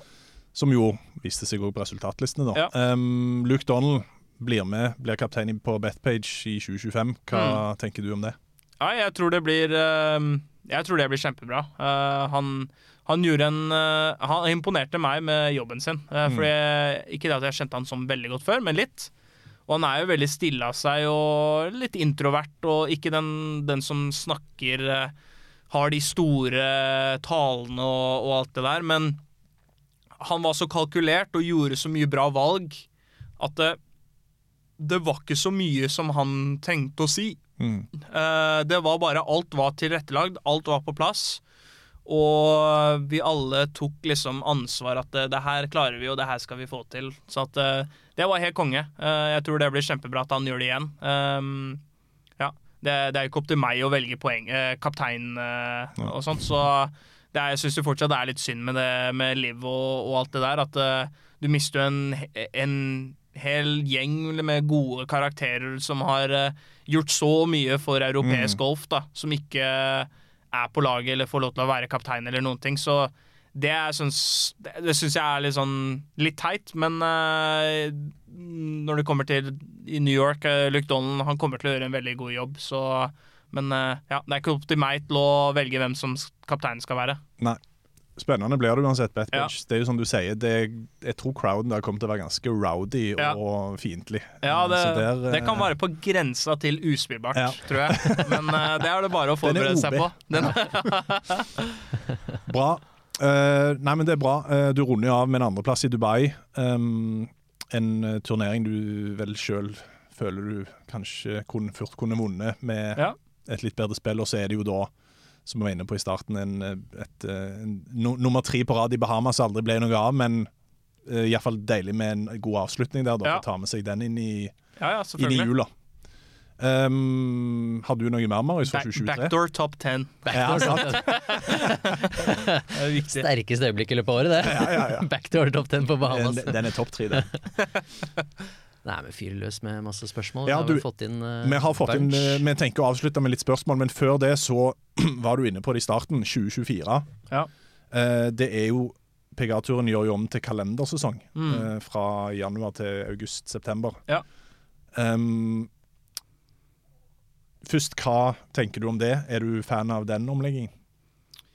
Ja, altså jeg- For min del, jeg vet ikke Jeg tror det kanskje er bedre sånn for fansmessig, at det er litt mer tydelig når sesongen er. Mm. Jeg tror det er bedre. For min del så har ikke jeg noe særlig imot Altså, Mye av poenget var sånn at ja, ja, men da spiller man mindre golf da, for spillerne. Men jeg vet ikke om jeg kjøper det poenget heller, fordi da blir jo de turneringene man faktisk spiller, det blir jo mer verdt. Så da kan du i hvert fall ikke skippe de store turneringene. Da må du på en måte spille. Eh, og så er det jo alltid noe som går på høsten, om det er europatur eller om du spiller den fall seriesen og, og litt sånt. Så ut ifra det argumentet, så ja, om man spiller mindre golf eller ikke, den, den vet jeg ikke helt om jeg er enig i. Men uh, som fansmessig, så, eller produktet, tror jeg blir bedre når du har en litt tydeligere uh, sesong, og den er litt, eh, litt mindre, den er litt mer kompakt. Da blir, betyr jo hver turnering litt mer. Så jeg skjønner jo på en måte fra det perspektivet, men eh, ja, det, det, er- så mye som skjer at det, jeg, jeg, vet hva, jeg vet ikke hva jeg liker eller misliker, eller jeg vet ikke hva som er svaret, eller hva som man må endre på, for det er, det er så mye som skjer. Mm. Um, sånn det fall blir da, uh, neste år, er at du skal være åtte signature events, som Mm. da erstatter disse designated events som det har Ja. vært til nå. De blir jo ikke obligatoriske før Det har jo vært sånn at det Mm. har vært obligatorisk å spille alle utenom én, noe Ja. du ikke var veldig stor fan av. Så jeg regner jo med at den Kall det valgfriheten er en, en god Tas godt imot Ja. av deg, da. Ja, ja, det er jo det. Uh, Men nå var det noe snakk om Jeg tror at de signature eventsene skal ha med FedEx Cup-poeng. Ja. For det, der er det liksom en litt skinkig debatt uh, messig at hvis, hvis det er obligatorisk at eh, de beste spillerne skal spille Nå vet jeg at det, er ikke obligatorisk, men eh, før, da, i fjor, eller i år, da vi egentlig måtte spille de turneringene, eh, så spiller jo vi mot felt som er mye, mye bedre. Altså å komme på femteplass i en sånn turnering kan jo nesten være like bra som å vinne en eller annen mindre turnering. Men da, selvfølgelig, hvis du da er allerede forhåndskvalifisert til de største turneringene, og så sier du liksom at vi, har, vi vil ha mer poeng i de turneringene, da er det på en måte Det ser jo veldig feil ut fra de, kan du si, PA2-spillerne som ikke er i de turneringene. Det kan se ut som det er veldig urettferdig, og det argumentet skjønner jeg veldig godt. Men hvordan man løser problemet fordi sånn, Skal man gi 500 FedEx Cup-poeng for å vinne Bermuda, og så gi eh, liksom eh, Memorial 500 poeng der òg for å vinne der. Det er jo det er to helt forskjellige ting. Eh, så hvordan man løser det problemet, det, det vet jeg liksom ikke. Jeg, jeg vet ikke hva som er uh, fiksen, men det er noe som, som må skje, da. For det er uh, produktet Det er altfor mange turneringer. Og forskjellen mellom de dårlige turneringene og de bedre turneringene er altfor store. Og da blir det, det blir vanskelig å på en måte å slenge alle sammen inn i ett. da. Ehm, ja, Det blir urettferdig uansett, på en Ja. måte. Nei, det skjønner jeg. Eh, Du var inne på det litt i starten, at eh, Phoenix var en turnering eh, du hadde tenkt å spille. Men hvis vi ser på 2024 nå, da. eh, Hvor langt fram i tid har du, har du planlagt? Hva kan du si om spilleplanen din eh, her du sitter nå? Ja, nei, Det blir jo for det meste de signatures-eventsene. Kommer, jeg kommer nok til å spille alle sammen. Mm. Og så kanskje adde dem på Waste Management. Eller par andre turneringer her og der, da. Men det blir for det meste Det kommer til å bli nok turneringer med bare signature events, majors uh, og playoffs. da Så har du på en måte en full eh, schedule allerede. Eh, er det noe mm, europatur Altså, vi, vi vet jo at du har vært du har vært happy med tidligere å dra eksempel til Emiratene da, i slutten av januar. sånn som Mm. du har vært. Er det noe som eh, Europaturturneringene, er de noe du kan fort spille mer av i år, med tanke på hvordan schedulen ser ut i USA? Det blir jo nesten mindre. Ja. Uh, nummer én det er jo ikke et Ryder Cup-år. Nei. Eh, men jeg har jo lyst til å selvfølgelig holde medlemskap der og, og spille. Jeg liker å spille den i Dubai i slutten av året, uh, den finalen. Mm. Eh, men nå med alle de elevator eventsene, så jeg vet at Rory og et par andre kommer til å spille de i Dubai eh, tidligere neste år. Eller tidlig neste 18. år. til 21. Ja. Ja. your Classic. Så de kommer til å spille de, men det går jo på bekostning av å ikke spille Century og Pebble Beach, eller hvilke andre turneringer han ikke kommer til å spille. Og det, det føler ikke at jeg er uh, noe vits uh, for meg å gjøre. Så han blir jo betalt en, eh, en fin penge av å stille opp der, liksom. Men eh, jeg har jo lyst til å skaffe FedEx Cup-poeng og, og, kom, og komme, få en god start eh, tidlig på året. Og da, da blir det vanskelig å skippe de tidlige turneringene på West Coast, da. Hvis vi ser på januar, da, så Century, der er det jo, der er det jo klink. Eh, Sony Open. Tror jeg skipper den. eh, Jeg har alltid hatt lyst til å spille, men jeg er alltid så rusten og spiller så dårlig i første uka. Da Jeg husker du har sagt at Ja. spiller jeg greit, så blir jeg igjen Nei, det har ikke skjedd. Nei, det skjer ikke.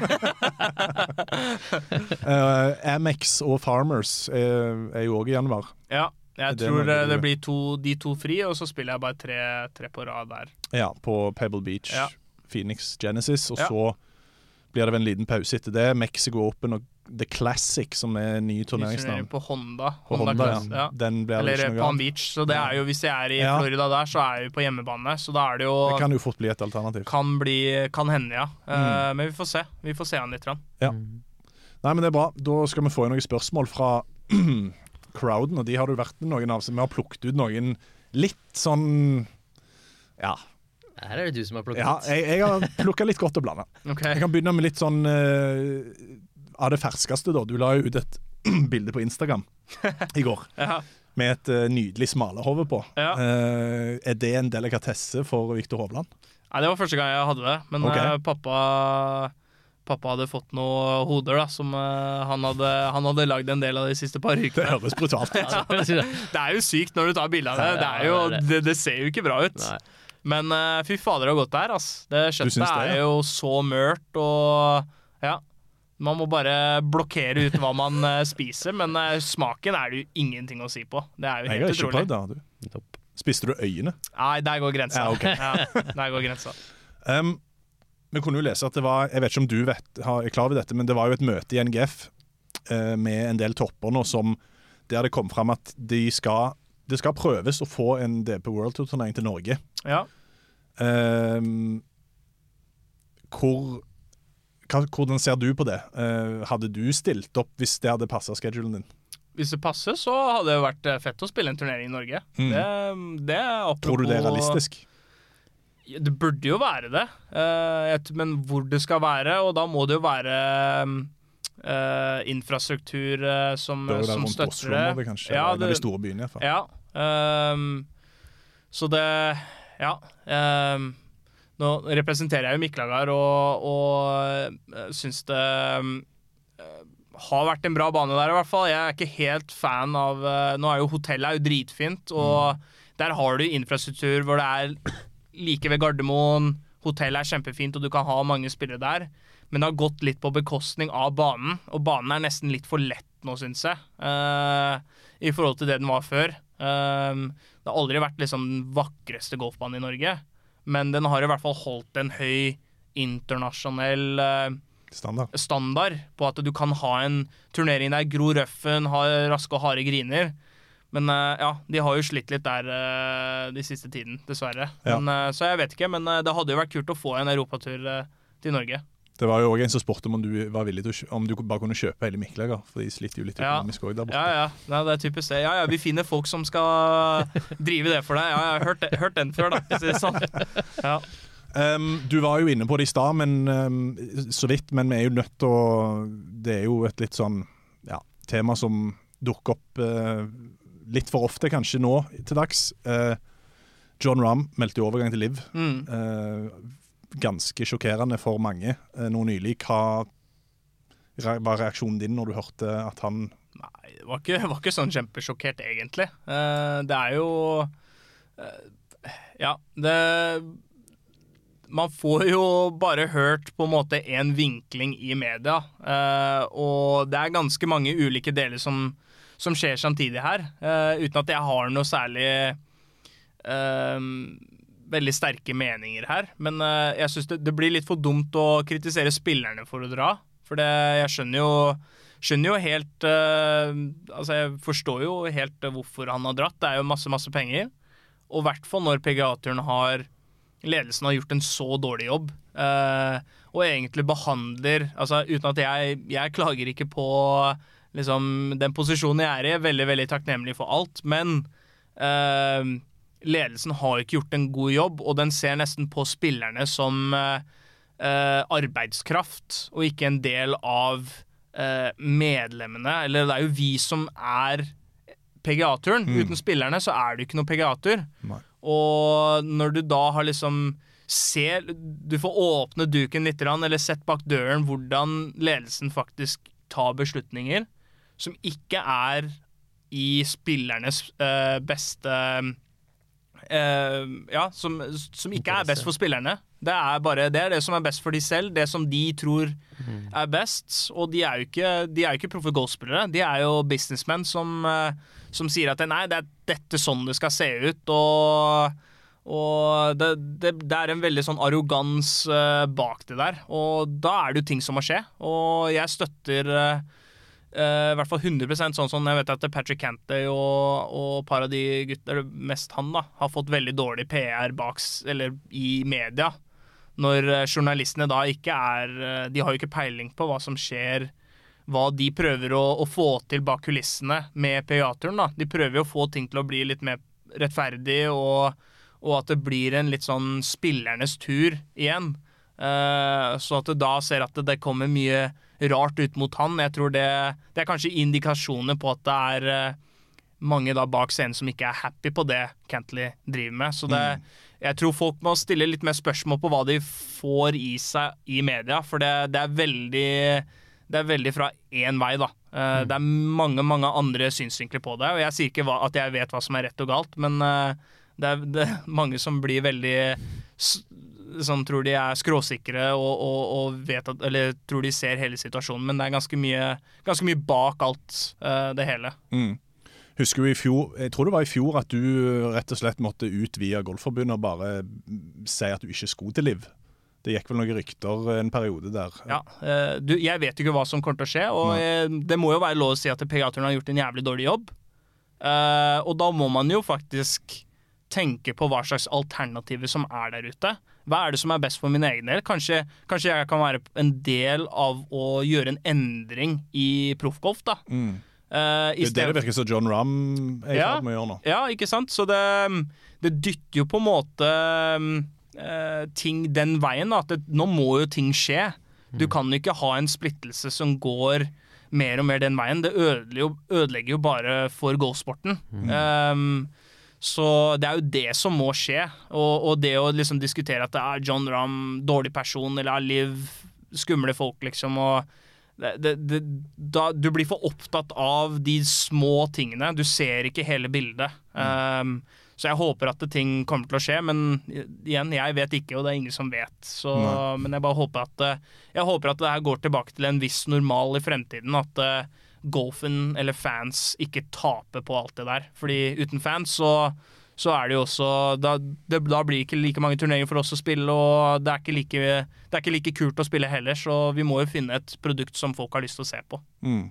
Du har jo, altså, vi har jo, du har jo sagt hele tida at du ønsker å spille der de beste spillerne befinner Ja. seg.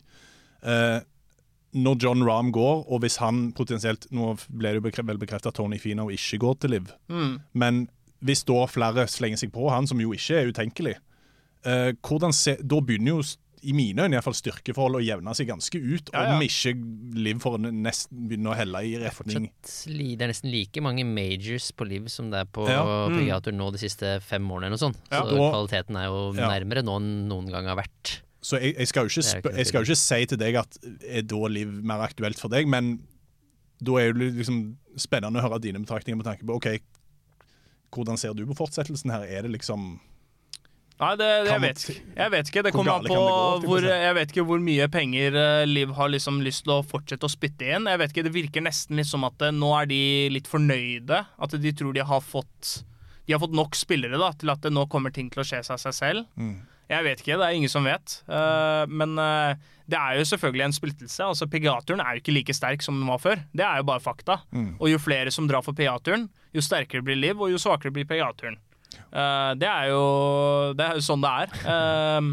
Og det er jo kjipt, men jeg syns, for min del, jeg syns produktet deres er ikke så fett, liksom. Det, er, det er noe med det å spille PGA-turer og ja, jeg er ikke så fan av de, mange av de signature events. En ting er å ha færre spillere, men det er sånn null cut og uh, Man trenger liksom den uh, matchingen, 150 spillere, og spille to runder og cut, og så hvis ikke du spiller bra nok, så får du ikke lov til å spille. Så det er, eh, det er jo noe med det som gjør at det spillet ditt er litt sharpere. Og hvis jeg hadde dratt til Liv, så tror ikke jeg at jeg hadde blitt en bedre golfspiller. Nei. Og da er det på en måte end of discuss- discussion også. Eh, Så det er jo Ja. Men jeg kan jo ikke klandre folk som tar den beslutningen å dra over dit. Men da må vi jo prøve å, å, å finne en ordning til slutt. Så jeg, jeg vet ikke. Nei. vi får se.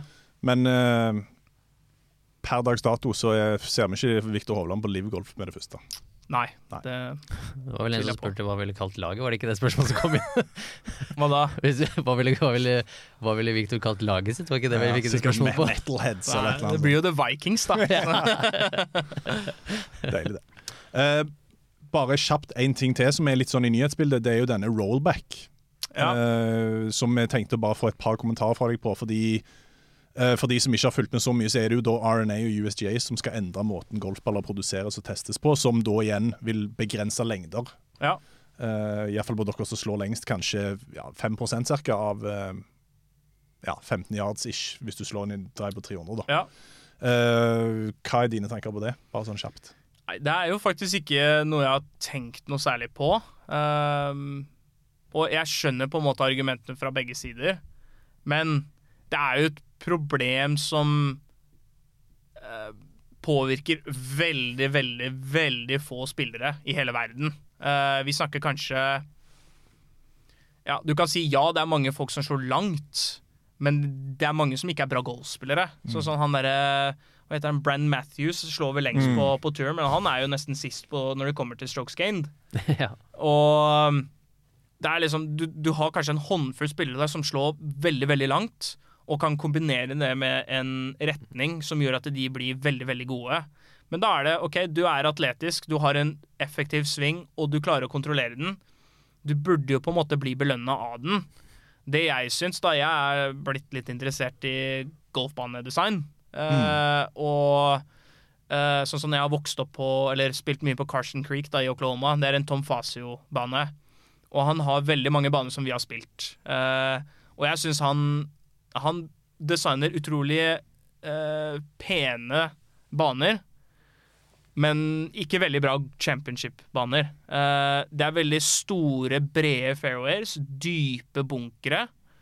Og så er det veldig mye at det er, alt heller inn mot grinen. Så er det store griner, store anduleringer, men alt heller én vei, gjerne. Og da Altså, ja, banen kan, banen kan være 8000 yards, men hvis du har store landingsfelt hvor Rory eller eh, andre gutta kan slå så hardt de kan, eller hardt de vil, og de kommer til å være i fairway, og så har de da et syveren inn på et 520 yards eh, langt par firehull, som er dritlangt. Men når du gir dem full guffe midt på sommeren når vi spiller de turneringene her, ballen går langt, litt medvind Ballen går langt, og så har du store landingsområder på grinen. Og gjerne kanskje litt softe griner.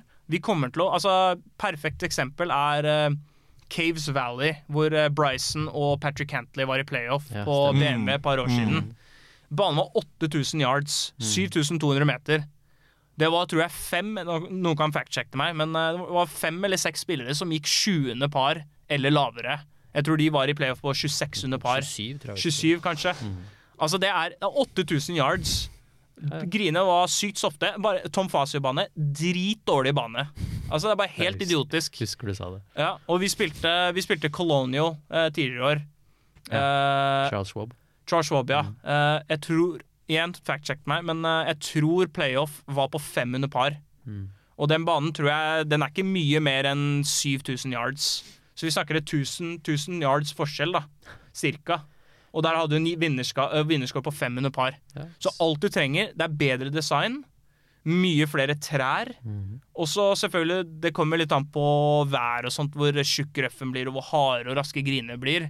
Men du trenger ikke sånn East Lake også, perfekt eksempel. Jeg spilte med Bryson eh, dette, var, dette året når han eh, begynte å slå veldig langt. da. Og jeg syntes det var så morsomt, fordi jeg slo bare driver overalt. De trangeste stedene. Og han måtte jo slå fireren, for han kan jo ikke slå driver på de hullene. Nei. Fordi trærne, det blir jo så trangt. Mm. Så bare ah, fader ass, må slå fireren hele tiden. så er jeg liksom 60 meter forbi en hvert hull, ikke sant. Det var jo så deilig. Eh, og det, er jo, det, det sier jo bare Design er det aller viktigste. Når du skal ta ut trær så sånn Gil Hands også er veldig kjent nå for å redesigne baner. Og så sier de ja, vi skal, vi skal få banene tilbake til den originale designen. Men ja, ok, originale designen var, var De hadde nettopp åpna si 150 år siden. da Det var jo ikke trær på området. Det er originale designen, men banen er jo mye bedre når det er trær, og du har treeline, og du det beskytter banen. da Mm. Sånn som Southern Hills var jo en dritbra bane, og nå som de har tatt ut masse trær det, det bare mister, eh, mister liksom mye av karakteren og spillbarheten, da. Um, så jeg tror det er Kan det være problem? Altså, du, du kan jo si sånn Tiger Tiger liksom eh, klarte jo å slå de andre gutta fordi han klarte å kontrollere ballen sin mye bedre. Mm. Mens nå handler det bare om å slå langt, relativt rett, og så bare finne ballen. Mm. Men det er jo også på bekostning av teknologi, jeg er enig med det, men også banedesignen. Mm. Eh, og det er jo sånn nummer én, banedesignen er det, er det nummer én problemet, da, syns jeg. Jeg tror for at Det er interessant som jeg sa til deg. at jeg, når du spurte meg om det, så sa jeg for proffene er liksom det, det er så liten prosentandel. Mm. Mens det finnes ikke én golfspiller i hele verden som har dette som en hobby, som sliter med å slå for langt. Nei. Det fins ingen. Nei. Altså Selv jeg som er en god hobbygolfer i dag, sliter jo aldri med å slå for langt. Jeg syns det er kjempegøy jeg, på, dit jeg er kommet, ikke sant? om jeg kan drive en green. Ja. Så det, det problemet kjøper jeg ikke, liksom at, den, at de skal rulle tilbake for det. Og proffene er gode nok til å finne ut av det uansett, basically. Mm. Og da er det veldig interessant som du sier, at, liksom, at ikke man ser på andre måter først. da Ja. Så får heller det her være en last ultimate resort, hvis det er sånn at produktet svekkes. Ja. Men det gjør du ikke. Jeg var veldig enig med Ricky Fowler. Og så er det som, nå er det på et godt sted, se bort ifra konflikter. da ja. Men underholdningsverdien er jo kjempehøy. Mm. Det er kjempegøy å se på hvis du får en treball med deg som er presis, McIlroy som bomber, og så får du Patrick Reed med et fantastisk nærspill. ja. Så får du liksom tre aspekter av golfen, så ser du hva, hva kan de beste gjøre. da Ja. Var det jeg prøvde, liksom min tanke på det. Så jeg, 100% Jeg tror det er eh, Nå har jo Rory sagt mye, mye rart i media, og rister litt på huet med mye av det han sier, da, men jeg tror eh, mye av eh, mye av motivene bak sånn som han og Tiger, da, det er jo Tiger Det var jo sånn han spilte golf, til, Ja. med de ballene som spant mye mer, og de type køllene, at han var jo mye bedre på å manøvrere ballen. Og det er sikkert litt av det han har lyst til å beskytte sin Ja. legacy, kan du si. Og Rory, hvis alle sammen slår litt kortere, så har jo han en enda større fordel. Så Ja, det er liksom OK, bare fordi du har de to største i golfsporten vil noe, så er det Det betyr ikke at det det er riktig, liksom. Uh, og en annen ting som jeg må si som jeg syns var litt komisk Jeg spilte jo pro-am på Bahamas uh, Mm. med en av de veldig, veldig høyt oppe i USGA. Ja. Så sa han det hele tiden. Ah, I'm gonna be the most unpopular person next week uh, when we announce the rollback. Ja. Og, så jeg, jeg sa ingenting, men så kom vi på hull 9 på Bahamas, det er par fervemull. Og de i pro-amen, de spiller Deres T-box er 130 meter foran min T-box, Mm. og så står han der, og han har egentlig tjent alle pengene sine i construction, da. Og så har han virka nesten som at han har den stillingen i USGA litt sånn på sida, bare fordi det er status, ikke sant. Ja. Så sier han This is why we need to roll the ball back. Look at the differences in the, in the T-boxes. Det er liksom Da viser du Da viser du at du har null forståelse for golf, da. ja, da mangler du virkelig forståelse. Ja, og det er, jo- det er jo disse menneskene, disse eliten, kan man si, da, som tror at det, jeg har masse penger og liker å spille golf på sida. Dette er sånn vi må spille videre Mm. Ja, i fremtiden. Det er liksom det er Veldig Ja, nei, den, Det er provoserende å høre på, ass. det er et eh, mildt sagt elendig argument. Ja, ja. Vi kan avslutte med et par litt mer sånn generelle som du ikke trenger å bruke lang tid på å svare Ja. på. Men um, hvis vi tar Like lang som rollback. Hvis vi tar en, eh, en typisk dag i og utenfor turneringsuka, hva er liksom Hvis du bare går kjapt gjennom dagen din? Ja, Det kommer litt an på hvor jeg er, da. Eh, men sånn eh, nå i Florida, for eksempel, så våkner jeg opp. eh, liker å få litt sollys. Gå ut og i hagen okay. og bare ta på headset, høre på noe video eller uh, uh, chille litt. Og så spiser jeg frokost. Uh, bare gjør meg klar. Og så jeg liker å sånn Ta, ta tiden min på morgenen. Jeg er ikke noe særlig Jeg er ikke noe Det- tidlig oppe. Og Det har vi erfart. ja, og så stikker jeg ut på banen og Uh, enten så stikker jeg og gymmer først, men det kommer litt an på hvor, hvor hardt jeg skal gymme. Hvis jeg gymmer hardt, så liker jeg jo egentlig å gjøre det etter jeg har trent, for ellers så påvirker det liksom treningen min. Um, men eh, så trener jeg enten før eller etter jeg skal på golfbanen, og så når jeg er på golfbanen, så ja, slår noen baller, bare sjekker at alle ting er på plass, og så liker jeg å gå og spille 9 eller 18 hull, og så komme hjem og lage middag og bare Få middag av Ventura. Ja. Ja. ja. Nei, jeg, jeg, jeg har kjøpt uh, steaken, og så griller han som regel eh, det er så bra fordeling, så, det... Det er så bra fordeling. så, så koser vi oss, og så ser vi på et eller annet uh, en film eller noen YouTube-videoer på kvelden, og så ja, gjør vi det alt uh, på nytt eh, dagen etterpå. Ja. I turneringsuke, det kan vi droppe. Um, mange lurer på eh, Vi vet jo litt eh, mer, da, men eh, forholdet til penger eh, Hvordan det har det forandret De lurer på om det har forandra seg etter all suksessen. Vi husker jo at eh, du tidligere har brukt penger på kanskje ikke de mest flashy tingene, som grill, eh, Ja, blender og en tomt i Oklahoma da, forrige gang. Ja. Eh, nå vet vi jo at du har kjøpt deg en leilighet i Norge. Mm. Um, men jeg tolka jo på den pressekonferansen i Dubai at det er ikke sånn, du har ikke flasha rundt med cash eh, utenom det heller. jo. Nei, nei, altså, det er jo Penger er jo liksom Det er digg å ha, men det er ukomfortabelt å prate om. Eh, og jeg Altså, jeg vil ikke at uh, Altså Ja, det er, jeg har ikke lyst til å fortelle folk hva jeg bruker penger på, liksom, men jeg har ikke noe, jeg har ikke noe Det er ikke sånn at jeg våkner opp og tenker ja, hva faen skal jeg kjøpe i dag, liksom. Det, jeg har det jeg trenger. Men hvis det er noe jeg trenger, så det som er digg med penger, og det jeg prøver å få frem, er at da kjøper jeg det aller, aller beste. Hvis det er noe jeg har lyst til, jeg har lyst til å dra på ferie dit, eller eh, jeg har lyst til å kjøpe det her, for det her kommer til å hjelpe meg, da går jeg all in. Da kjøper jeg det aller dyreste og beste som, som kommer til å, å hjelpe det. Og det er liksom, det er ikke noe galt i det. Men det er ikke noe at eh, ja, nå skal jeg kjøpe meg Lamborghini og flashe meg rundt og vise meg frem. Det er jo ikke det. Men eh, jeg prøver ikke å si heller det at eh, nei, nå skal jeg ikke bruke penger. Det er jo ikke det, er ikke det jeg prøver å si heller. Men jeg har jo ikke et forhold til penger at eh, nå skal jeg ha mer og mer og mer. og mer. Men selvfølgelig, hvis jeg spiller bra og trener hardt og får resultater, så kommer jo det av seg selv. Mm. Eh, helt til slutt Um, Du var jo inne på det eh, når du snakket om en da, eh, day in your life holdt jeg på å si, med kosthold og trening. Uh, mange er jo opptatt av, eller lurer jo på hvordan er fokuset nå i forhold til før, med tanke på f.eks. styrke versus utholdenhet. Hvordan trener du egentlig nå i forhold til f.eks. For, for to-tre år siden?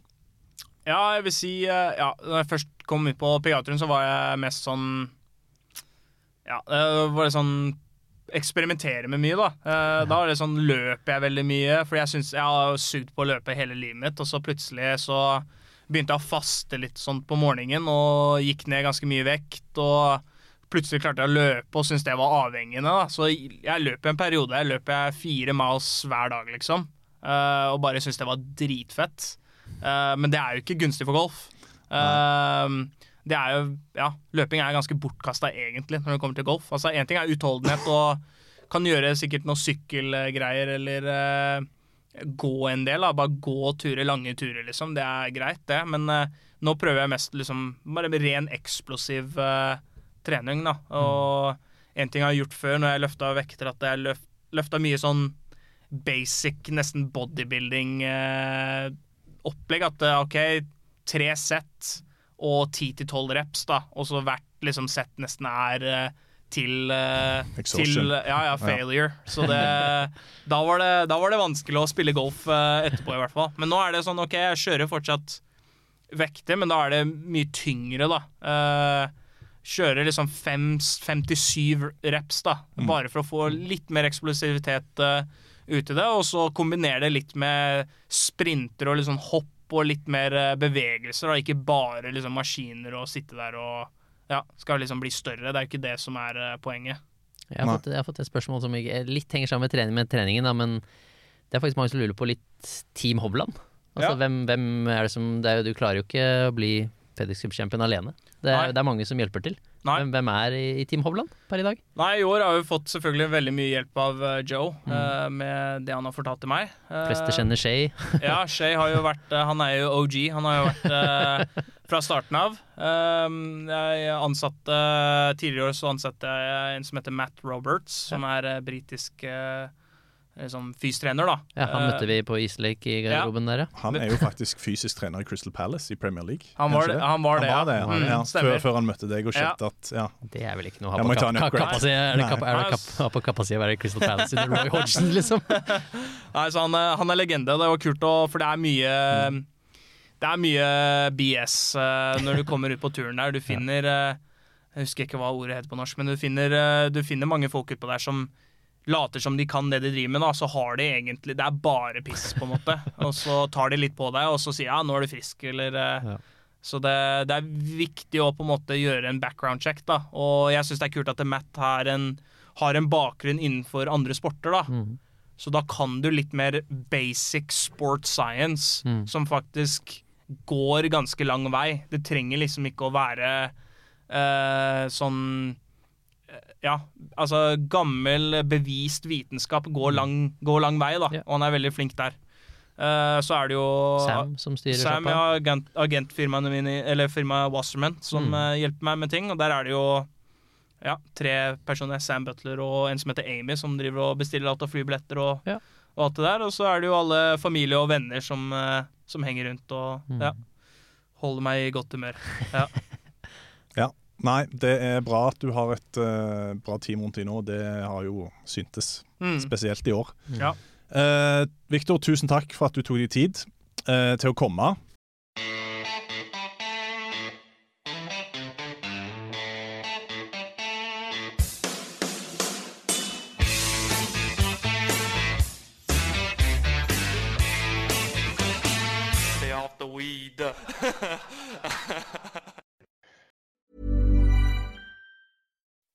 When you make decisions for your company, you look for the no-brainers. If you have a lot of mailing to do, stamps.com is the ultimate no-brainer. Use the stamps.com mobile app to mail everything you need to keep your business running with up to 89% off USPS and UPS. Make the same no-brainer decision as over 1 million other businesses with stamps.com. Use code PROGRAM for a special offer. That's stamps.com, code PROGRAM.